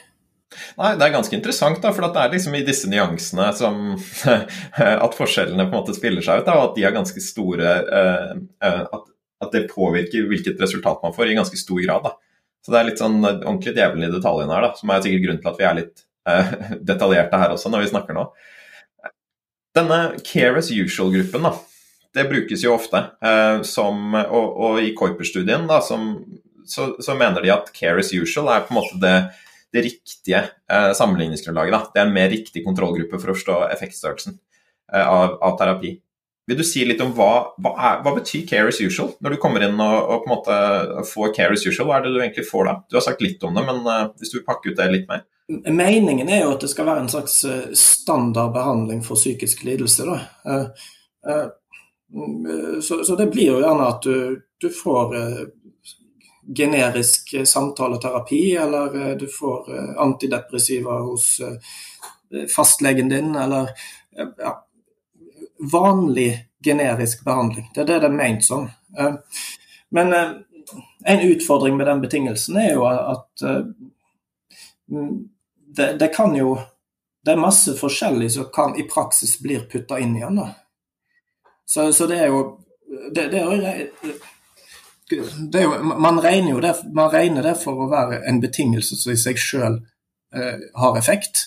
Uh, men den effekten kan variere ganske masse fra studie til studie, da, avhengig av liksom akkurat hva treatment as usual man har brukt i den, i den studien. Men det er i alle tilfeller på en måte en aktiv behandling da, som du får av helsevesenet, som ikke er på en måte sånn um, formalisert psykoterapi, men det er noe annet du får, at du har noen å prate med. Uh, det er noen som lager et eller annet opplegg for deg. Ja, eller, men, men det, er sånn, det, er ikke sånn, aktivt formalisert at det ikke skal være, ja, ikke skal være formalisert psykoterapi heller. Det kan være liksom ja, psykologisk behandling som, eh, som du ville fått hvis ikke du får denne spesifikke intervensjonen her. Eh, så, så, så, jeg tenker det er om det er den beste betingelsen eh, kommer an på spørsmålet, vil jeg si. Men, men det, det, er gjerne den strengeste, i hvert fall. Det, det er den som For da, da, kontrollerer jo den for på en måte alt som eh, intervensjonen du vil teste ut, har til felles med vanlig behandling. Det, det er iallfall det som er meninga med det. Og, og det. og, det. forskjellen du står igjen med og skal forklare, da, det, det, er på en måte litt sånn de effekten av de spesifikke teknikkene som inngår i akkurat din behandlingsmetode, eh, versus annen type generell behandling. Eh, så, så, jeg tenker det er, det, det er den det er gjerne den beste effektgruppa for å teste ut det. Effekten av de unik, det som er unikt med akkurat din behandlingstilnærming, sammenlignet med andre Eh, ja, psykologiske behandlinger, f.eks. Så det er et nyttig tall, men ikke for på en måte det spørsmålet som på en måte blir stilt i folkeopplysningen, da, som er på en måte hvor effektivt er terapi? Jeg kan si at ja, Det er et nyttig tall for å si noe om relativ effekt, men hvis det du lurer på er, er absolutt effekt, så vil jo jeg, heller, vil jo jeg si at uh, venteliste faktisk er bedre til å svare på det spørsmålet. Ikke sant en, en, en, ting når vi kritiserer det, eller de som er kritiske til ventelistebetingelsene, er å si at ventelistebetingelsene er en nocebo. Men du kan jo også si at eh, en annen ting som er dumt med å bruke ventelistebetingelsen, er at terapi er en placebo, på en måte. For da sammenligner du noen som vet at de ikke får behandling, med noen som får behandling og vet de får behandling. Eh, mens hvis man bruker denne eh, care as usual, så får du på en måte placebokontrollert behandlingen i større grad. Da, på en måte. Så Um, tenker du, Er det meningsfullt å prøve å skille ut hva i uh, det å få psykoterapi er det som er en placeboeffekt, og hva er det som er på en måte reell effekt? Eller på en måte går disse her mer sammen, liksom, når man uh, skal tenke på hvordan terapi fungerer? Det er litt komplisert. Uh, mm. Først vil jeg jo si at du treatment as usual gir deg litt mer enn bare placebo. For, ja, ikke sant. Det er det som er vanskelig med det. Ja, Placebo i psykoterapi vil jeg da tenke er, er hovedsakelig det å få et rasjonale, eh, at nå får du en behandling som skal hjelpe deg. Eh, ja, det er vel kanskje det jeg syns ligner mest på, på min forståelse av eh, En sånn stereotypisk forståelse av placebo. Da. Men, men, så får du jo du får jo mer enn i, i en sånn treatment as usual. Da. Du får, du får alt det en kaller fellesfaktorer. Altså alt det som alt det som er nyttig i psykologisk behandling, eh, men som er nyttig på tvers av ulike seriøse behandlingsmetoder. Og da, og, og da, jeg syns det, det, er litt for enkelt å avfeie alt det som, eh, som bare placebo, for, for, jeg tror jo at det er jo det er relasjonelle faktorer i, i, i, i psykoterapi f.eks. Eh, som har så, som er viktige. Det er, det er bra og Det er sunt for mennesket å, å, gå til et annet menneske og få lov å fortelle om problemene sine og, og, og bli forstått. Og bli eh, utfordra til å, å, gjøre endringer osv. Jeg tenker at eh, placebo gjerne ikke er den beste måten å eh, ja, forstå det på, men, men, det er, men samtidig så er det jo effekter du får i veldig mange ulike typer psykologisk behandling. Da. Så, så, jeg tenker kanskje at man kan se på det som eh, fellesfaktorer. Eh, at i, i treatment as usual-betingelser f.eks. så kontrollerer du for disse fellesfaktorene som er felles på tvers av alle mulige former for uh, samtaleterapi, da, f.eks. Uh, Men så er det òg noen, noen unike effekter med enkeltmetoder på, på toppen av det. Det, det liker vi å tro, i hvert fall, selv om det er ikke så de er kanskje ikke så store som man, mange skulle ønske. Og det er liksom, de, de, får man tak i da, ved å sammenligne, sammenligne ja, en, en, spesifikk metode mot treatment as usual. Ikke sant. Nei, men Godt svar der, altså. Så det å disse treatment as usual er ikke bare det er ikke, Man kan ikke si at det er å placebokontrollere terapi, på en måte. Det er å tilby egentlig ganske mange av de komponentene som også finnes i psykoterapi. da. Og, og Hvis man skal være, være, veldig vrang, så kan man jo så kan man jo hevde at ja, ikke fellesfaktor, bare placebo. Men jeg, jeg mener det mer enn det. Og, og, så er det jo mm. gjort veldig mye av det en kaller prosessutfallsforskning. Når man, når man sammenligner, når, når man forsker på sammenhenger mellom hva som skjer i, i terapien og, og, utfall. Og der finner man jo at bare sånn relasjonelle aspekt og, og arbeidsallianse og, og, det å til en viss grad eksponere eller få, få gi pasienten korrektive erfaringer. Dette er ting som, er ting som, i, som har, ser ut til å ha ganske stor effekt, da, hvis man stoler mm. på, stoler på disse studiene. Og Da, og, da synes jeg på en måte det, dette er, det er kanskje Heller enn å avfeie dette som placebo, så, så kan en snu det på hodet og si psykologisk behandling handler i stor grad om å optimalisere og perfeksjonere disse tingene. Men da mm. uten, uten, å gi falskt håp, uten å mm. lyge og si noe som ikke er sant. Men, men, men ved å, å, bruke disse relasjonelle, relasjonelle, faktorene, og ved å bruke pasientens egen eh, behandlingsmotivasjon og, og, drivkraft til å eh, hjelpe pasienten å gjøre endringer i livet sitt som, som er nyttige. Det, så det her går jo kanskje da på, som vi skal snakke litt om nå snart, som er på en måte hvordan terapi funker. Dette kan kanskje få oss til å stille spørsmålstegn med noen av de tingene der, da. Men, men liksom at det funker, eller effektstørrelsen, det, der er dette kanskje ikke så, eh, så avgjørende, da. Ja, eller jeg, jeg kan si det at på en måte da dette inngår jo da i, i, den absolutte effekt. Så en absolutt effekt, de største effektstørrelsene, det blir jo disse generelle fellesfaktorene pluss litt spesifikke faktorer på toppen. Og pluss litt placebo kanskje også, på en måte? Hvis man kan snakke om det på den måten? Ja, ja, ja man kan si det. Det spørs hvordan man konsentraliserer fellesfaktorer. da. Hvis man vil si at av at fellesfaktorer er delvis placebo, det kan man kanskje si. Så da er det delvis placebo, delvis fellesfaktorer, delvis eh, metodespesifikke effekter. Mens, mens, mens, de små tallene, da, de, de, tilsvarer effekten av psykoterapi sett bort fra både placebo og fellesfaktorer, kan man gjerne tenke. Ikke sant, sånn sett, ja. Så hvis du da på en måte skulle si noe sånn overordnet her, dette blir jo litt sånn guesstimate, tror jeg, da. Men hvis du skal på en måte dekomponere Hvis vi sier at ok, når vi sammenligner med de som er på venteliste, så virker vi å ha en effektstørrelse på 0,7 ca. Hvis vi skal si på en måte hvor mye av den er placebo, hvor mye er fellesfaktorer, og hvor mye er metodespesifikke faktorer, hvor mye tror du på en måte ligger på hver av de? Og, og, Her tror jeg ikke vi har tall som gjør at vi kan på en måte dekomponere det presist, altså. men jeg vet ikke om du har et sånt uh, guesstimate på det? Jeg, jeg, tror jeg må gi et generelt svar. Uh, og, da, og, og, da, svarer jeg liksom ut ifra hva man har tenkt i, i mainstream uh, psykoterapiforskning. da. Eh, og, og, da, og, da, er det litt flere ting som inngår i det. Da. Eh, men eh, man tenker at eh, egenskaper ved pasienten forklarer en god, god del. Eh, egenskaper ved terapeuten forklarer òg en god del. Fellesfaktorer forklarer en god del. og så kan man drøfte der hvor stor del av fellesfaktorer skal man tenke i placebo. og så forklarer da de mer metodespesifikke effektene av eh, ja, De metodespesifikke teknikker de forklarer da en mindre del. Det, det, er det man har tenkt. Det, dette er ikke en fasit, men, men, det har på en måte vært uh, mainstream-oppfatningen oppfatning da, i, forskningen. Um, jeg tenker vi kan forlate dette med kontrollgruppe der nå. Sånn, for å prøve på en oppsummering der, så er det jo på en måte veldig avgjørende om man tenker at ventelistebetingelse eller care as usual er den riktige kontrollgruppen da, for å forstå effekten av psykoterapi. Hvor de som sånn, som ofte er mer kritiske, de sier jo da at ventelistbetingelse er en nocebo. Og jeg syns du har argumentert godt for at det ikke er det. Mens de, eh, og, og, sier da at care as usual er det som bør brukes som en kontrollbetingelse. Og hvis man bruker care as usual, så, så blir effektstørrelsen av terapi ganske mye mindre, da. Og det er jo det tallet som også ligger til grunn for den NNT-en på, på 7 da, som brukes i folk, folkeopplysningen.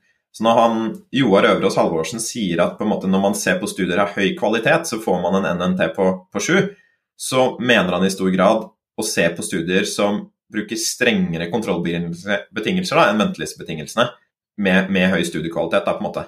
Det er litt sånn et, rart, et rart steg der da, som gjøres hvor man oversetter høy kvalitet med streng, eh, streng kontrollbetingelse, egentlig. da. Ja, så, så, det blandes litt sammen. Han har, han har jo noen argument Kuiper som går mer, mer, konkret på kvalitet. Eh, han, han, prøver jo òg å, å, å, sile og kontrollere for kvalitet. Eh, det, det er, er, jo, Men dessverre der òg så blir jo de kvalitetskriteriene han legger til, det, det er jo det er litt subjektive valg og oppfatninger der òg. Det blir jo ikke en, en, en, absolutt fasit på hva er kvalitet. Eh, men, men, men så, så, jeg, så, jeg, er åpen at på en måte kvalitet Kvalitet kan jo spille inn, men det er ikke sikkert at Kuipers har definert kvalitet på beste måten. Men, men uansett så, så, er jo litt av problemet da nettopp det at kvalitet her blir sammenblanda med, med hvilken eh, kontrollbetingelse man sammenligner med. Da. Så, så, så iallfall valg av kontrollbetingelse forklarer mer eller mindre av, av forskjellen da, mellom de, det høye og det lave estimatet. Og, og, Det er det mest avgjørende også når jeg ser på disse tabellene. For både Kuipers og Mundi på en måte um, presenterer dette ganske godt i artiklene sine. Hvor det ser ut som Kuipers ender opp med en effektstørrelse på 0,63 når han har på tvers av alle kontrollbetingelsene. Mens uh, Munder-studien ender opp med en effektstørrelse på ca. 0,7, da, så på en måte bare litt høyere da, når de ser på tvers av kontrollbetingelsene. Så det viktige her er jo valg av kontrollbetingelse, og så er dette her med kvalitet er jo, virker å være mindre viktig, sånn som jeg tolker det. Men kan vi si litt om allikevel hva som betyr når man på en måte snakker om kvalitet på studiene? For det virker som at noe som er ganske viktig her, da, er hvor aktivt man skal eh, korrigere for publikasjonsfeil og på en måte biaser, publiseringsbiaser. Kan vi si litt om, hva, hva, er det egentlig vi mener med det? på en måte? Hvordan, hva betyr det når vi sier at det er noe biaser i publisering eller eh, publikasjonsfeil? Hva betyr det? Det en av og til kaller skrivebordseffekten eller lignende. At man, eh, studier som får gode resultat i den retningen man har sett for seg, de er det er veldig gøy. Det er kjekt for de som skriver studiene. Og så syns journaler det er kjekt å publisere studier som har tydelige, klare, gode resultat.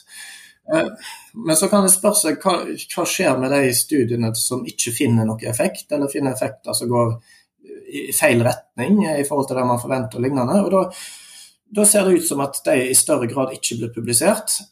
Så, så, så da, da, kan man forvente en viss skjevhet i den foreliggende publiserte behandlingslitteraturen. Og da, og, og da finnes det prosedyrer for å prøve å, å matematisk eh, utligne denne skjevheten.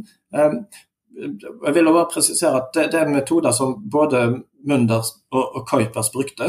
Så, ja, så begge så, gjør et forsøk på denne korrigeringen, da? Ja, ja så, det forklarer ikke forskjellen i tall mellom dem, men, men det, det, er et generelt poeng. Da, at det, det, er en av tingene, i, um, en av tingene som som gjør det vanskelig å tolke uh, ja, summen av foreliggende forskning, og, og, og, der man på en måte må gjøre grep i effekt eh, i, i metaanalyser for å prøve å få resultatet til å være så realistisk som mulig. Og Her virker det som at på måte Kuipers på et vis er liksom strengere enn Munders. da. Eller de på en måte velger i hvert fall ender opp med å velge studier som er, uh, har litt mindre effektstørrelser enn det Munders gjør. Og, ja, men, men jeg, jeg, tenker kanskje det, det handler mer om de andre uh, andre kvalitetsbetingelsene han, eh, han, legger til grunn.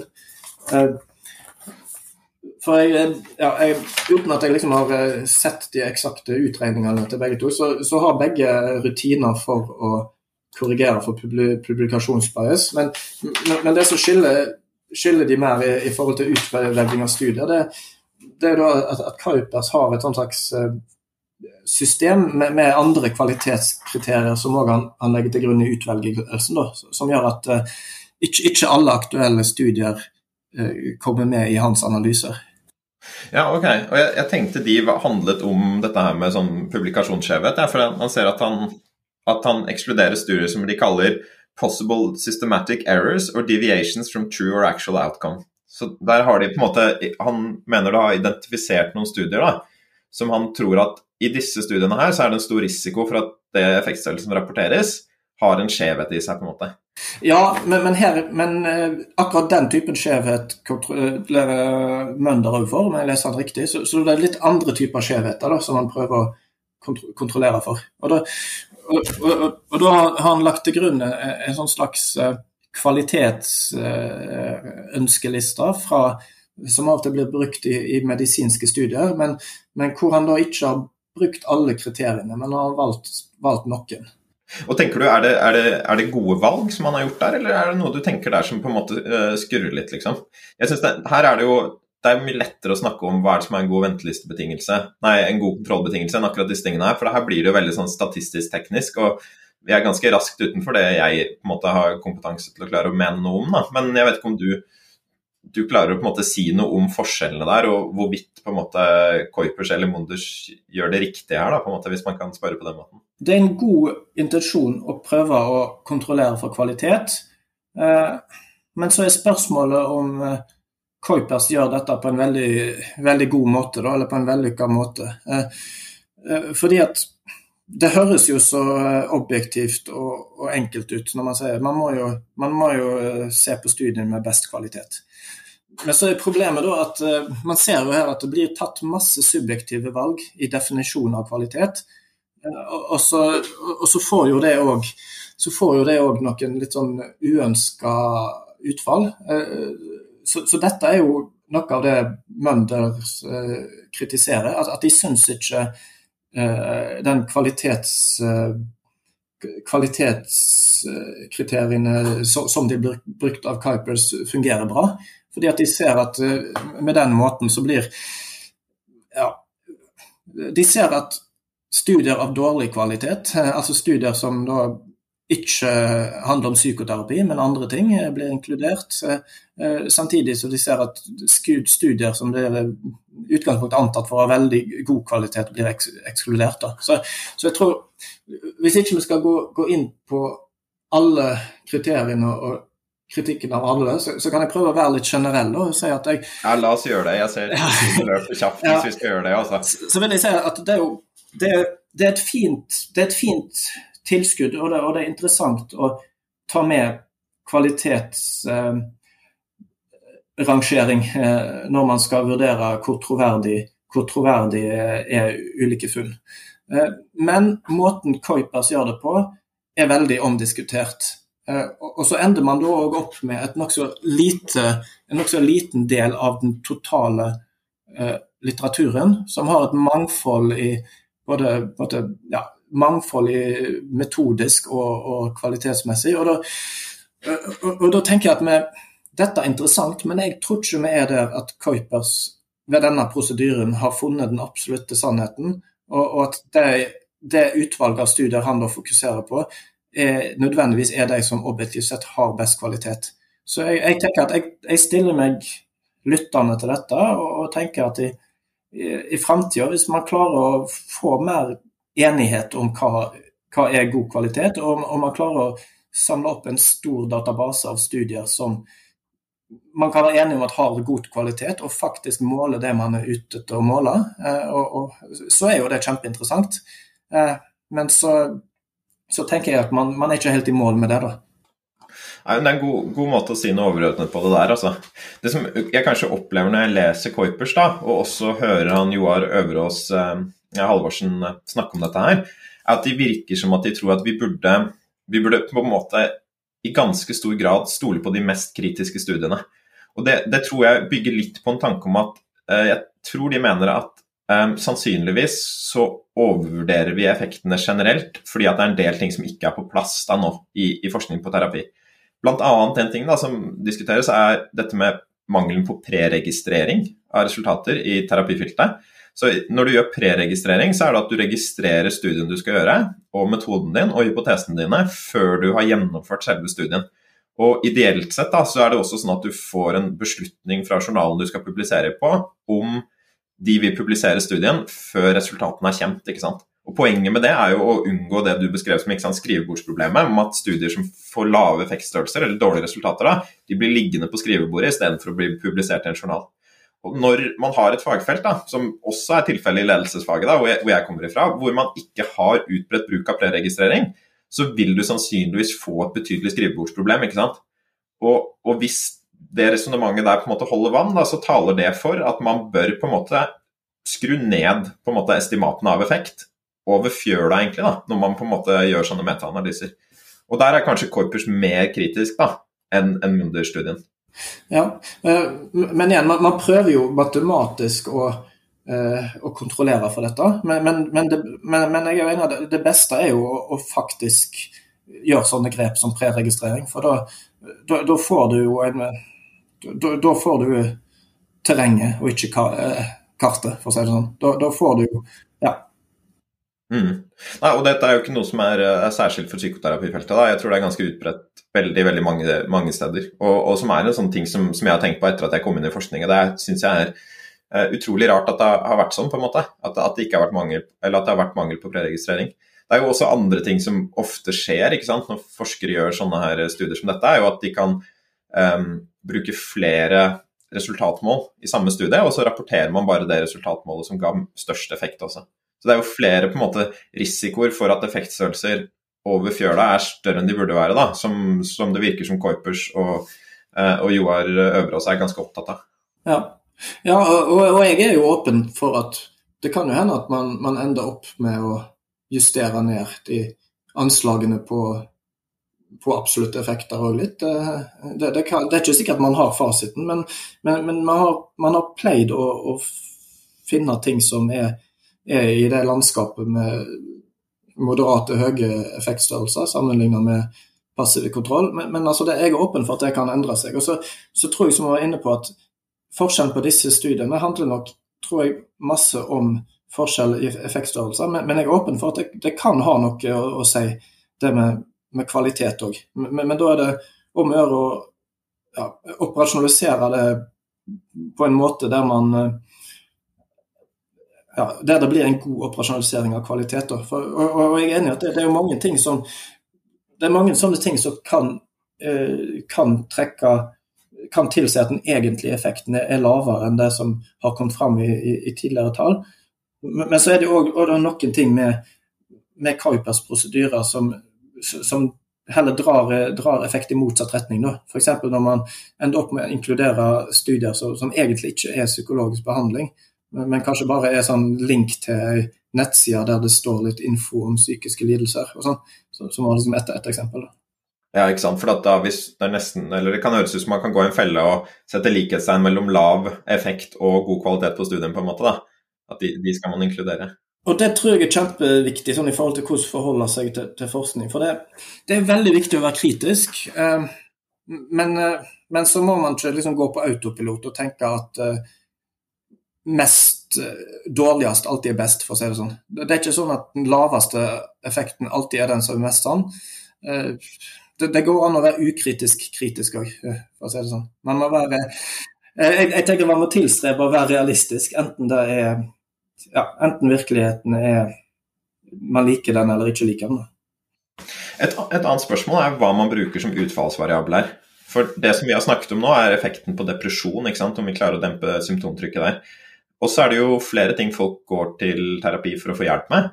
Og jeg tenker Det virker som de på en måte store, eller de brede kategoriene da, av, um, av, vanlige plager er på en måte ting som er, er depressive type plager, eller angst. Uh, og så kommer jo folk også med andre ting, da, som f.eks. smerter eller uh, ja, med andre mer spesifikke psykiske lidelser. Så vet vi noe om variasjon der? på en måte? Er det sånn at måte, terapi er mer hjelpsomt mot f.eks. angst enn depresjon, eller, eller andre veien? Ja, man, man, man, har jo gjerne mest data på de vanligste tingene, da, men, men, det er jo nettopp angst og depresjon det er jo det vanligste, kanskje. Så man finner ofte at uh, behandling er litt mer effektivt for angst enn for depresjon, sånn over hele fjøla. Og så, og så finner man òg på en måte litt betydelig høyere effekter, da, med litt sånn enda mer konkrete lidelser i, uh, som en kan plassere i angstområdet, som f.eks tvangslidelse, OCD eller PTSD, de har, de har ofte ja, enda større effektstørrelser. Så, for det syns jeg også går litt under radaren i Folkeopplysning-episoden. For det høres ut som at sant, én av sju får hjelp, og så snakker de ikke så mye om hvorvidt det er for depresjon eller angst. på en måte. Men da har du brukt tall for depresjon, og hvis du sier da at måte, angst generelt er liksom lettere å hjelpe folk med, da, så burde jo det også ha kommet frem, på en måte. Ja, og det, det er det jo noen som har kritisert det for i, i etterkant òg.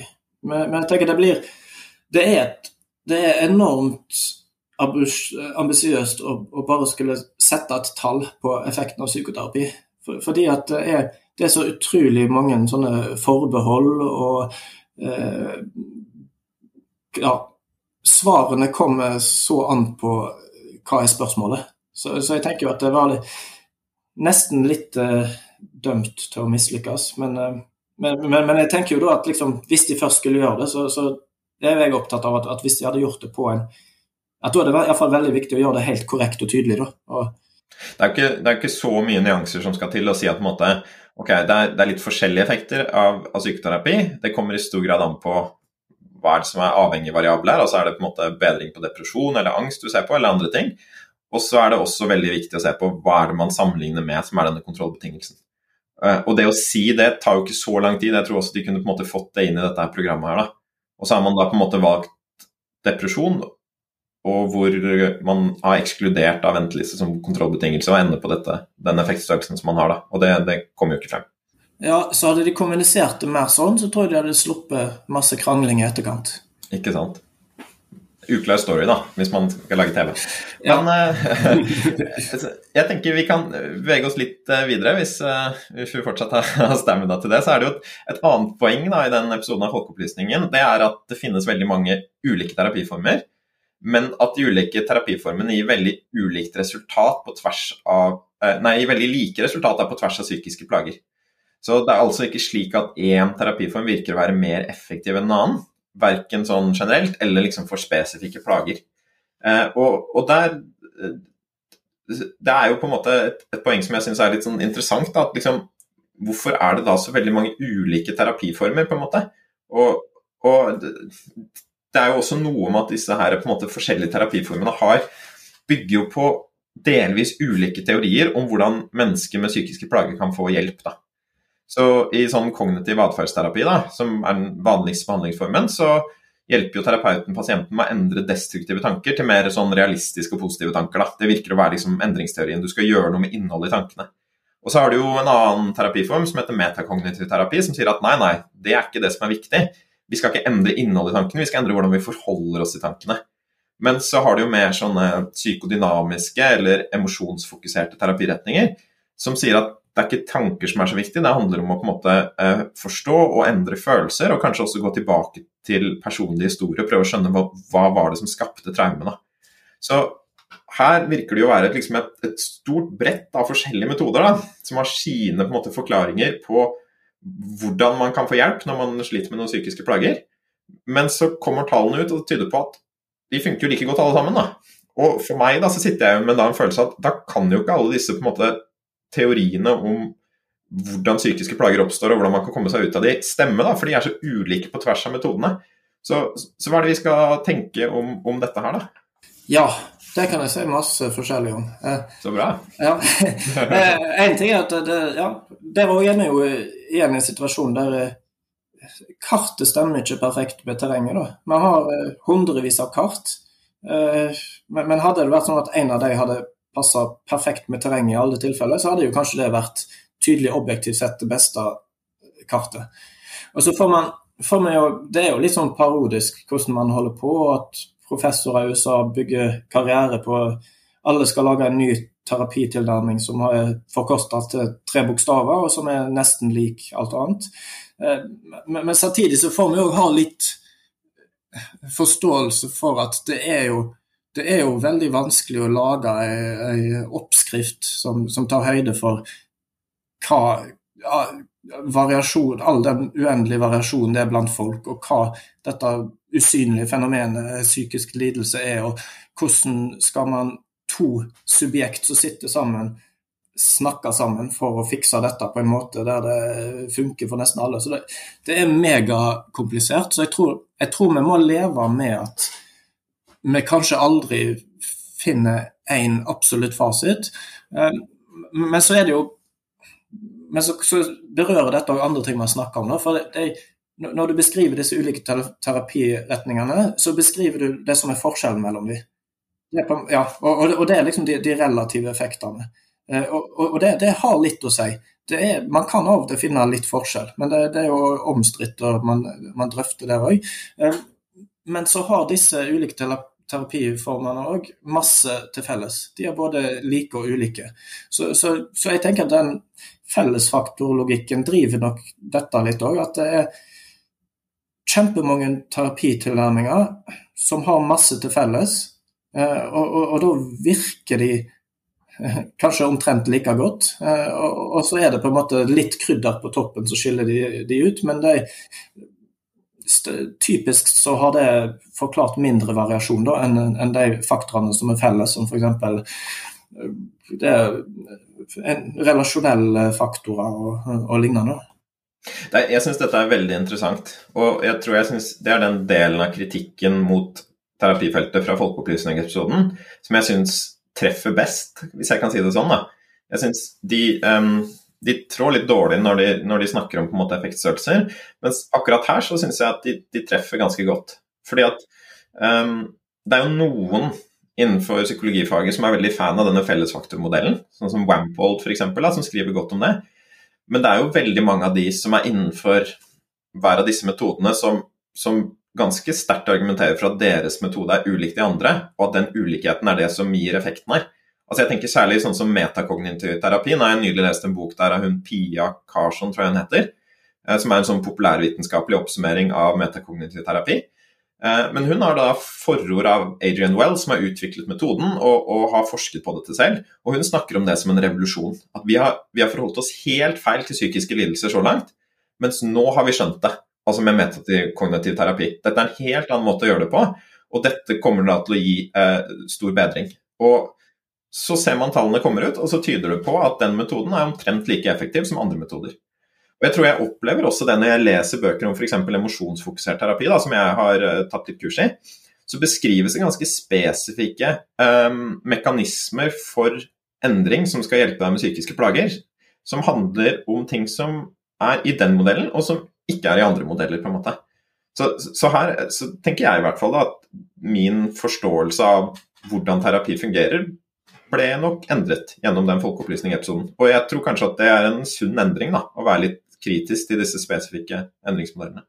Ja, eh, og det ut ifra mitt vitenskapsteoretiske syn, så syns jeg det er veldig fornuftig. At jeg, jeg tenker jo at man, selv om dette gjør livet forvirrende for en kliniker, så, så bør man ikke være helt frelst til, til foretrekkende metode. Da. For, jeg tenker at vi, det, det, er mange metoder som er, er inne på noe, men, men, jeg tror på at det, det er ingen, ingen, metoder vi har i dag som sitter på den hele og fulle sannheten. Eh, og, og kanskje kommer heller aldri der. Det, hva tenker du for egen del? Har du en sånn er, er, du for en sånn tanke om at det er fellesfaktorene som gir effekt, eller har du en sånn eh, teoretisk preferanse, som de kaller det i episoden, for, mot en modell?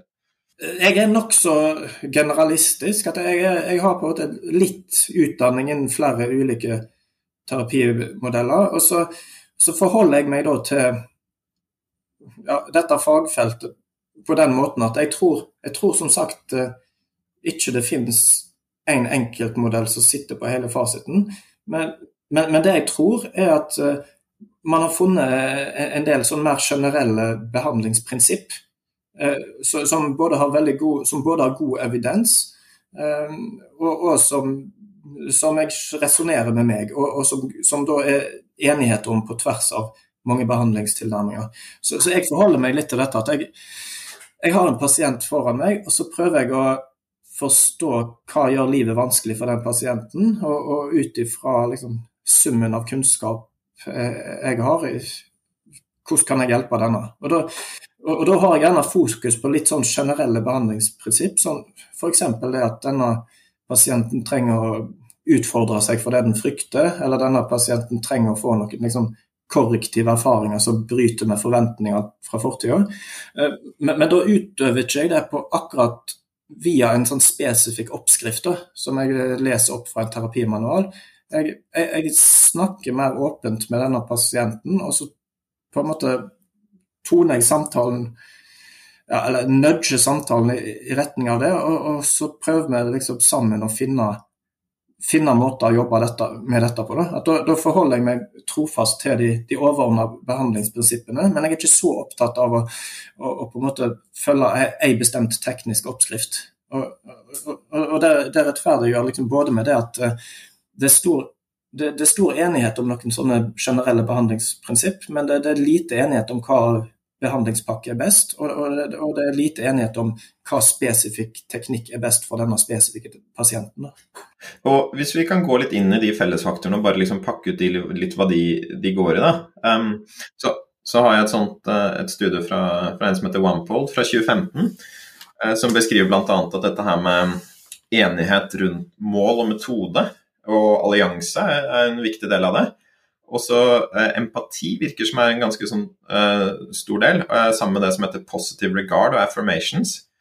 Um, terapeuten, som du sa, eh, og um, kongruens, genuinitet, er også på den eh, listen der, da. Um, hva, hva, vil du si er liksom disse fellesfaktorene, eller er det noe som Hvis du skal si noe om hva, hva tenker du at går igjen på tvers av disse retningene, som, som, du har tro på, da, og som vi har litt evidens for at vi vet at, at gir effekt i terapi? Det, det, er jo en lang liste med, med mer eller mindre sterk evidens, men med noen ting som ofte blir trukket fram. Det, det overlapper med det du sier, men jeg kan ta litt andre òg. Arbeidsallianse, som, som er overlapper med det du sier. Det er å ha en empatisk, ikke-dømmende lytting fra terapeuten det at pasienten får støtte fra en genuin eller autentisk samtalepartner, at det blir et, et liksom ekte forhold til et annet menneske, ikke bare en sånn arbeidsforhold. Det at pasienten får et rasjonale for sine plager, lærer mer om seg selv og problemene sine, selvinnsikt eh, og lignende. Håp, som det overlapper med placebo. Eh, at pasienten kan få mer motivasjon til å handle på nye måter, til å bryte mønster. Eh, at pasienten kan få hjelp til å utfordre seg selv, eksponere seg, eh, søke erfaringer som bryter med forventninger. Dette er typiske fellesfaktorer. Det er interessante ting, altså. Og det er jo, På en måte så er det jo litt sånn forvirrende ikke sant? at det, er det ikke, stemmer ikke de enkelte modellene. Og på en annen måte så er det jo litt sånn klargjørende også, syns jeg. på en måte. Eh, altså Hvis det er noen på en måte felles prinsipper som ligger til bunn og som, som driver effekten her, så, så, gjør jo det egentlig livet vårt enklere. på en måte. For Jeg opplever at en del av de tingene som du beskriver her nå, er jo på en måte både sånn terapiteknisk kanskje enklere, eh, og, og, også på en måte mindre fancy da, enn kanskje en del av de endringsmekanismene som beskrives i de spesifikke modellene.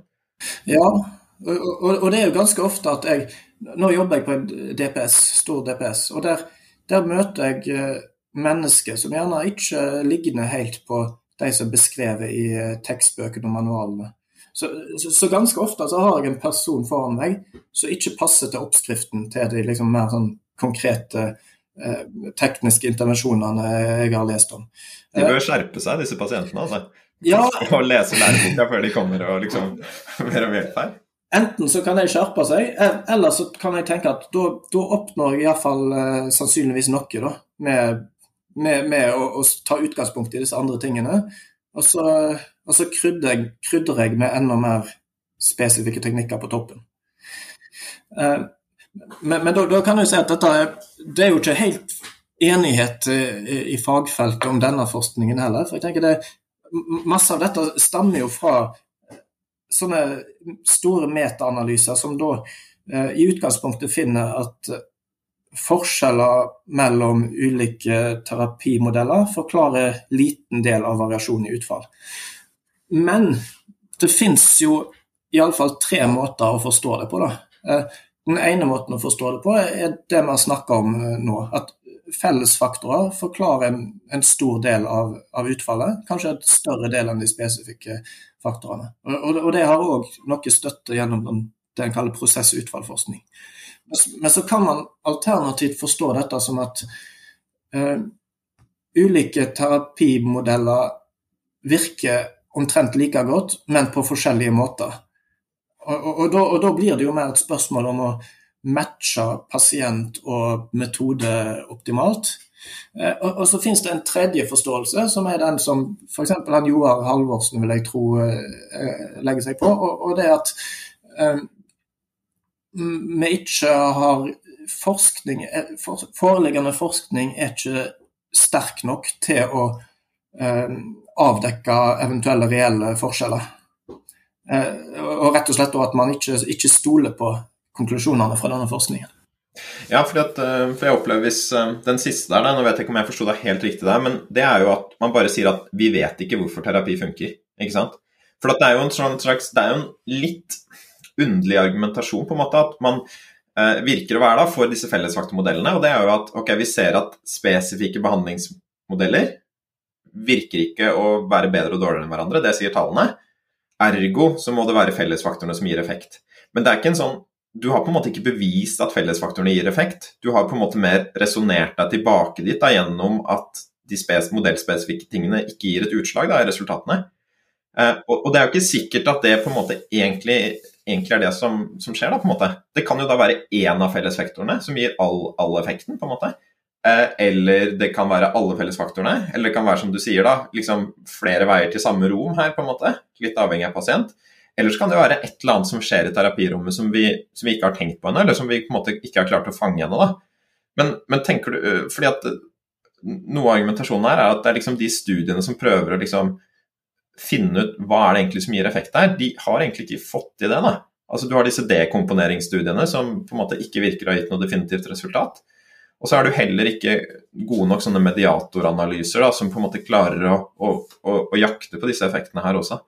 Så jeg vet ikke om, om, det Det er jo litt uheldig hvis vi på en måte lander på at ok, terapi har en effekt, men vi veit ikke helt hvorfor, egentlig. på en måte. Ja, og, og jeg tenker det er ikke, det er ikke et uh, ugyldig uh, eller objektivt sett feil standpunkt å endre på at man, man ikke stoler på resultatene fra foreliggende forskning. Uh, men, men, da er det litt mer enn en det på en måte fravær av forskjeller mellom behandlingsmetoder man, man baserer fellesfaktorhypotesen på. Da. For det, man har jo òg da forska på sammenheng mellom f.eks. arbeidsallianse og, og utfall. Og, og, og, der finner man jo faktisk effekter. da. Um, ja, jeg tror, jeg tror, det Joar ville sagt der, da, er at ja, du har funnet en, en, en korrelasjon mellom arbeidsallianse og utfall, men det kan hende at begge disse måte, effektene er drevet av en tredje variabel. da. Så kanskje det er en motivert pasient. da. Når det kommer en motivert pasient, så har det en stor sannsynlighet til å lede til en god arbeidsallianse. For det blir en bra greie, og terapeuten syns at dette er en ålreit pasient og gir mer innsats, sånn, så har du en god arbeidsallianse.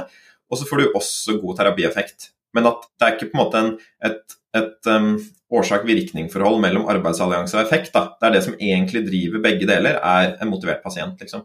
Så, ja, ja, så, ja. så man kan fortsatt holde på det at man, man stoler ikke nok på metoden til å konkludere.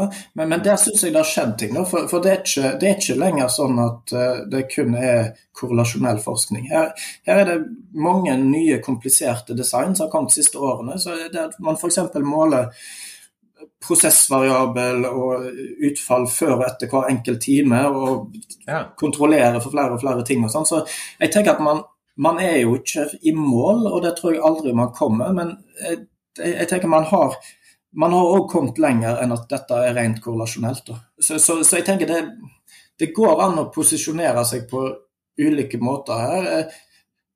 Man, kan, man vet jo ingenting 100% sikkert, men, men jeg syns òg det, det, blir en litt sånn ekstrem posisjon å, å si at man vet ingenting. Fordi, ja, for jeg synes jo bare det at man får en korrelasjon, bør jo på en måte dytte oss litt i retning og, og tro at det er på en måte en årsakssammenheng også. Mens litt avhengig av er, hvilke variabler man finner en sammenheng mellom, med, da, så burde man gjøre på en måte videre ting. Men jeg, jeg, er jo enig med deg at vi er nok i et terreng her hvor 100% svar er vanskelig å få noen gang. Ja, så det er noe litt sånn mer vitenskapsteoretisk. da, med hvordan skal vi forholde oss til så kompliserte uh, fenomen? Uh, det, det, er jo veldig lettvint å liksom sette skyhøye standarder og, og kreve absolutt, absolutt kunnskap. Og Hvis ikke man har det, så bare avfeier man alt. Det er veldig lett. Men, men, men jeg syns ikke det er den mest fornuftige måten å forholde seg til et, et så komplekst fenomen. Og så tror jeg det er kanskje en sunn dynamikk. fordi at det som på en måte skjer her, er jo at du har noen som på en måte prøver å vise at psykoterapi funker, og hvordan det funker. Og så har du noen som sitter og kritiserer og sier at nei, den metodiske standarden er ikke god nok. Og så heves den metodiske standarden, på en måte. Det er jo det som skjer litt her, da. Og, det virker som det er det du sier også, med på en måte studiene som prøver å liksom finne ut av eh, de spesifikke eh, årsakene til at terapi funker, da, de blir av høyere og høyere kvalitet etter hvert. Ja, og, det, er jo, det, er jo, litt sånn eh, forskning skrider framover, da. At det er mm man debatterer og diskuterer og er eh, uenige. Eh, og så har man aldri en, en absolutt fasit, men forhåpentligvis så beveger det seg i, i retning der man bygger kunnskap. da. Men dette her har jo ganske mye å si tenker jeg, for terapeuter som skal prøve å bli bedre terapeuter. For det er jo en ting du sier er også om at det finnes noen terapeuter som er mye flinkere enn andre, eller som gir, får mye mer effekt. Supershrinks har jeg hørt de omtalt som eh, noen steder. Jeg regner med at mange terapeuter er motiverte for å måte, bli bedre og få mer effekt. Og når vi er usikre på hva som egentlig driver effekten av terapi, da, så er det jo litt vanskelig å vite hva man skal trene på, liksom. Så hva, hva, tenker du om det, på en måte, hvis man er terapeut og tenker ok, jeg vil ha mer effekt hos pasientene mine, da. Og da virker det jo ikke som det å gå på et nytt kurs og kanskje lære Nå skal jeg lære MCT, men jeg, fordi jeg har bare CBT og noe annet i, måte bagasjen min og sånn. Men det virker ikke som det er der det ligger. Liksom. Hvordan, hvordan, er det man tilnærmer seg det prosjektet, tenker du, på å liksom, bli en bedre terapeut, når det er så mye usikkerhet rundt mekanismene som gjør at uh, hvorvidt det funker eller ikke? Da? Det kan jo hende at man helt overordna bør legge mindre vekt på liksom, spesifikke teknikker og forskjeller mellom det, og kanskje legge mer vekt på ting som f.eks. mellommenneskelige evner hos terapeuten. da. Mm. Eh. Fordi at det går, inngår som en sånn fellesfaktor? på en måte da? Ja, eller Man kan enten se på det som fellesfaktor eller en, en, en annen forklaring i tillegg til det. da. Det, det, det, blir litt sånn blanding. Jeg tenker Den relasjonen blir en blanding, men, men så blir òg terapeuter vil på tvers av, av retninger da, variere. Og, og, og, de har med seg De bruker jo seg sjøl som redskap på en måte. så de hvem, hvem, terapeuten er, vil uh, ha betydning for hvor bra behandlingen blir, uansett hva metode uh, terapeuten bruker. Da. Uh, og, her òg, hvis, hvis, man er de som stoler på foreliggende forskning, så ser det ut som hvem terapeuten er, har kanskje forklarer kanskje mer av variasjon i utfall enn akkurat hva metode bruker terapeuten. Så det er jo Vet man hva ved de, på en måte?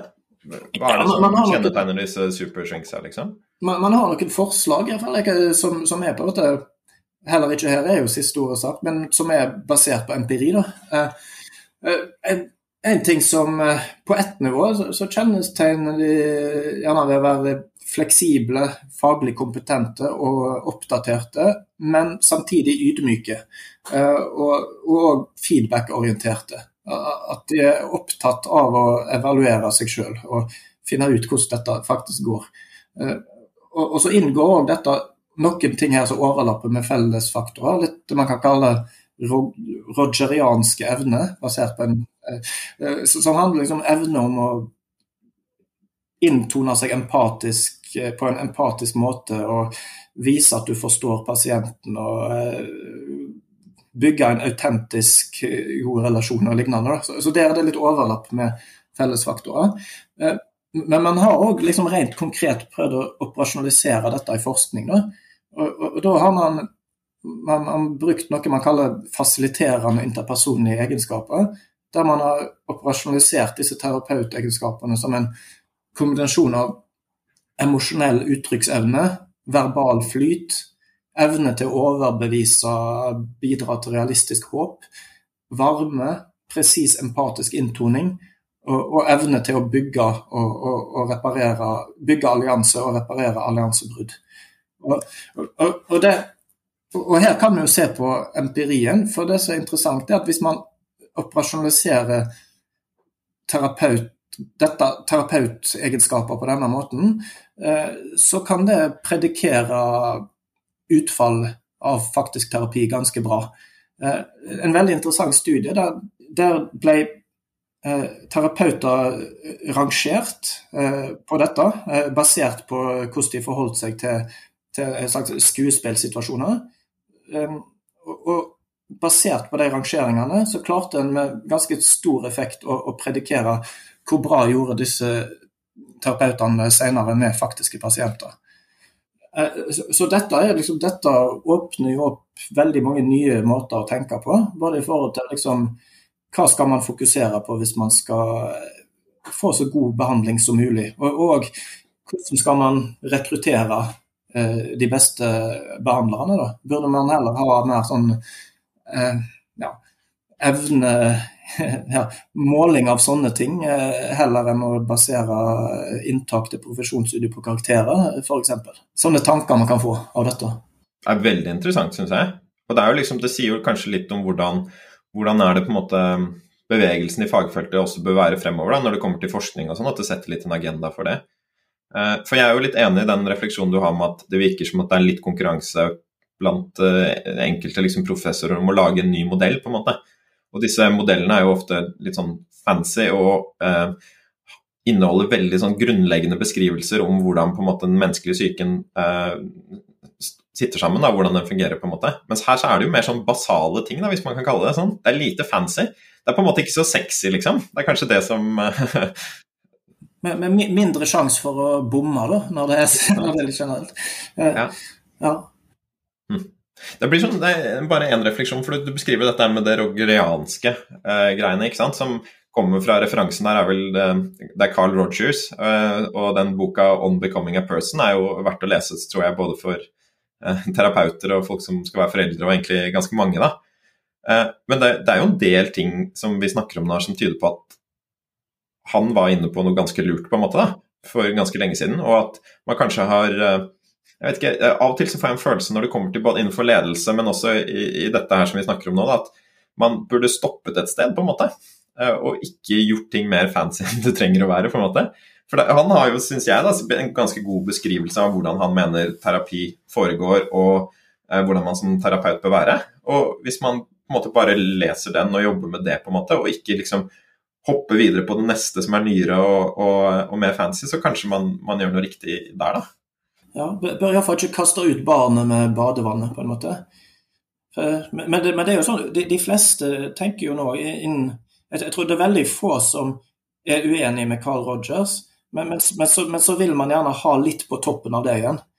Ja, man må ha dette liksom strø på toppen av kaka. Man må ja. ha glasur, liksom. Men her er det jo kanskje ja. noe som er sånn dropp glasuren. Jeg vet ikke om det er, ja. noe vi kan ja, eller, men, men, jeg tenker at liksom den glasuren kan jo hjelpe litt òg, da. Det, det, er kanskje effektstørrelsen på 0,3. Det, det, er kanskje glasuren, da. Uh, uh, så jeg tenker jo liksom Gjerne begge deler, men at man kan kanskje, man kan kanskje fokusere mest på det som er viktigst. For, det blir veldig lett i, i alle sånne debatter at det man fokuserer på, det er på en måte de metodespesifikke teknikkene. Det er det som, eh, Når folk kommer utenfra, så spør de ja, hva metode virker best. da? Eh, psykologer sjøl er kanskje opptatt av sin metode og er opptatt av om den er bedre enn andre osv. Men så tenker jeg jo kanskje at hvis, hvis, det man er interessert i, hvis man ser bort fra alt det der og bare tenker hva, hva henger mest sammen med, med, med, hvor masse bedre pasienten blir, så er det gjerne ikke metode vi bør fokusere så masse på på den måten. Det, det er kanskje ja, terapeutegenskaper, eh, pasientfaktorer, fellesfaktorer. Eh, og, og, det har jo òg litt sånn Det kan jo ha litt sånn betydning for hvordan man uh, organiserer uh, helsetjenester overordna For, for jeg, jeg, er liksom redd for at det kommer, skal komme sånn pålegg ovenfra. Alle må bruke metode X fordi at den har vist seg å være den beste metoden. Eh, for, for, jeg tenker at det er gjerne ikke Mesteparten av gullet ligger kanskje ikke i akkurat de metodespesifikke delene. Mesteparten av gullet ligger kanskje i å perfeksjonere mer generelle ting, eh, og i å utvikle deg sjøl til å bli en god hjelper, heller enn å nødvendigvis bli bruke akkurat den manualen som ser best ut til hver tid.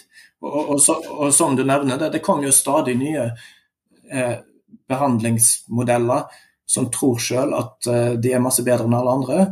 Og så, og så, kan man bli litt revet med, og så får de gode resultater en stund, og så går tida, og så jevner det seg ut. Det, det, er liksom det typiske bildet. Og Det er jo liksom naturlig at det blir sånn, fordi at ofte regner jeg med at de som utvikler metoder, er folk som er veldig inni dette her, og som er kanskje dyktige også, på en måte. Og så leverer de den metoden selv og er veldig motivert for det. Og så er det jo bare sånn at effektstørrelser ofte Det er en sånn regresjon mot snittet her, da, på en måte, at når man gjør ett studie, et lite studie, så får man mer ekstreme utfall enn hvis man gjør mange studier, da. Så hvis man sier at det testes ut jeg vet ikke, 100 nye metoder da, i året, på en måte, så vil noen av de bare av ren tilfeldighet gi gode effektstørrelser, og så er det de som blir snakka på, en måte, og så blir det flere og flere studier, og så får du en regresjon mot, uh, mot snittet, som er en, en, en sammenlignbar effektstørrelse med, med, bestående terapiformer som man har fra før. da. Det er i hvert fall sånn jeg ser for meg det litt. Da. Det er litt det samme med sånn aksjeinvesteringer. da, Jeg vet ikke om dette er en rettferdig sammenligning, men der har du jo veldig mange aksjefond som, som går ut og prøver å slå markedet. Og av ren tilfeldighet så vil jo noen gjøre det, på en måte. Og så ser man der også at de aksjefondene som på en måte tidlig har god effekt, de får også gjennomsnittlig effekt over tid. på en måte. Ja, Så man bør ha is i magen. Og da, og da frykter jo jeg helsebyråkrater som kun har lest siste studie som sier metakognitiv terapi er best, og så står og sier ja, hvorfor bruker ikke alle metakognitiv terapi da? Og så blir det innført, og så får man et problem. Da får man mer, skaper det mer problemer enn det løser. Sånn, bare for å avslutte, da. Vi som ikke er psykologer, men som tenker at liksom, psykologfaget og terapi kanskje kan være nyttig da, sånn i det daglige og, og, og, og, sånn.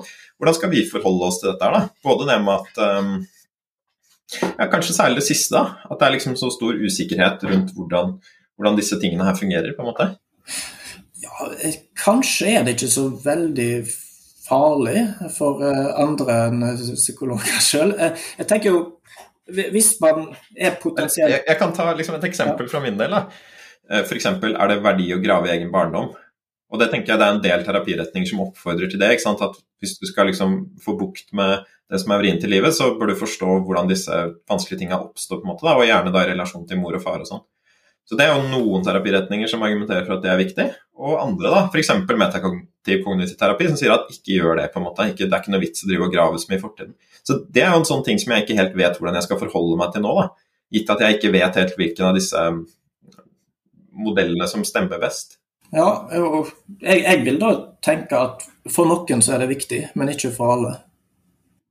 Ja, men det, vet vi det, på en måte? Eller liksom eh, Altså, det er jo et um, fristende svar å, uh, å si at liksom, det kommer litt an på hvem du er, men det, det kan jo hende at ingen burde gjøre det, eller at alle burde gjøre det liksom også.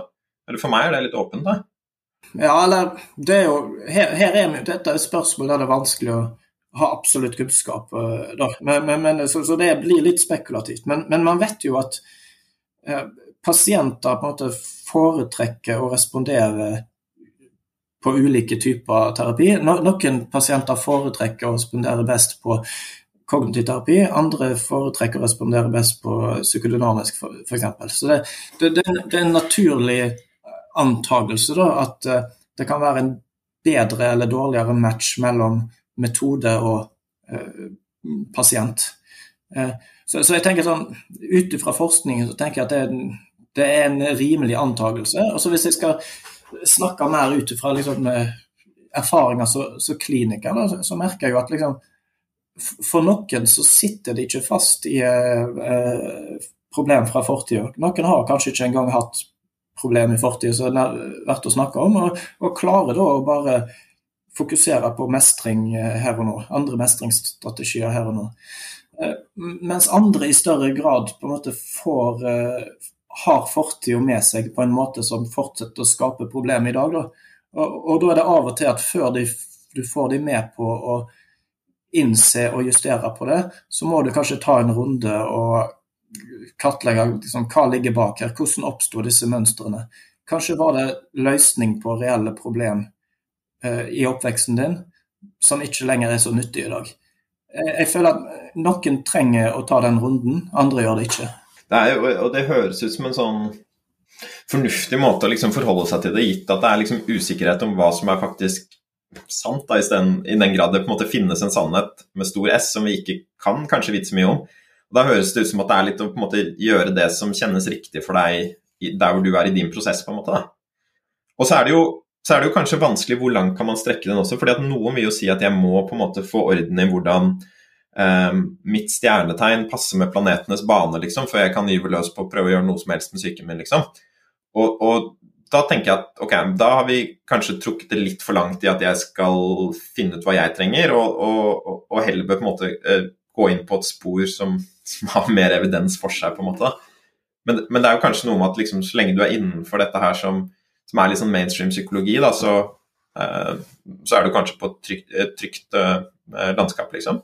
Ja, og så tenker jeg når, når, når man snakker om fellesfaktorer, sånn, så er jo det basert på det en kaller bonafid psykoterapi. Altså psykoterapier som er, er meint å være effektive, og, og, og som er, har en litt sånn seriøs oppbygging. Da. Så det er ikke sånn at det er helt vilkårlig hva du gjør, og alt funker. Eh, så, så det finnes ting som ikke funker i det hele tatt òg, da. Jeg, jeg tror f.eks. sånn scare straight-program som de prøvde i USA. sånn å bare skremme folk eh, i fengsel, unger i fengsel, sånn at de ikke skulle bli kriminelle. Det, det tror jeg ikke funka. Der, der, fikk de ikke, der fellesfaktor engang. Ikke sant.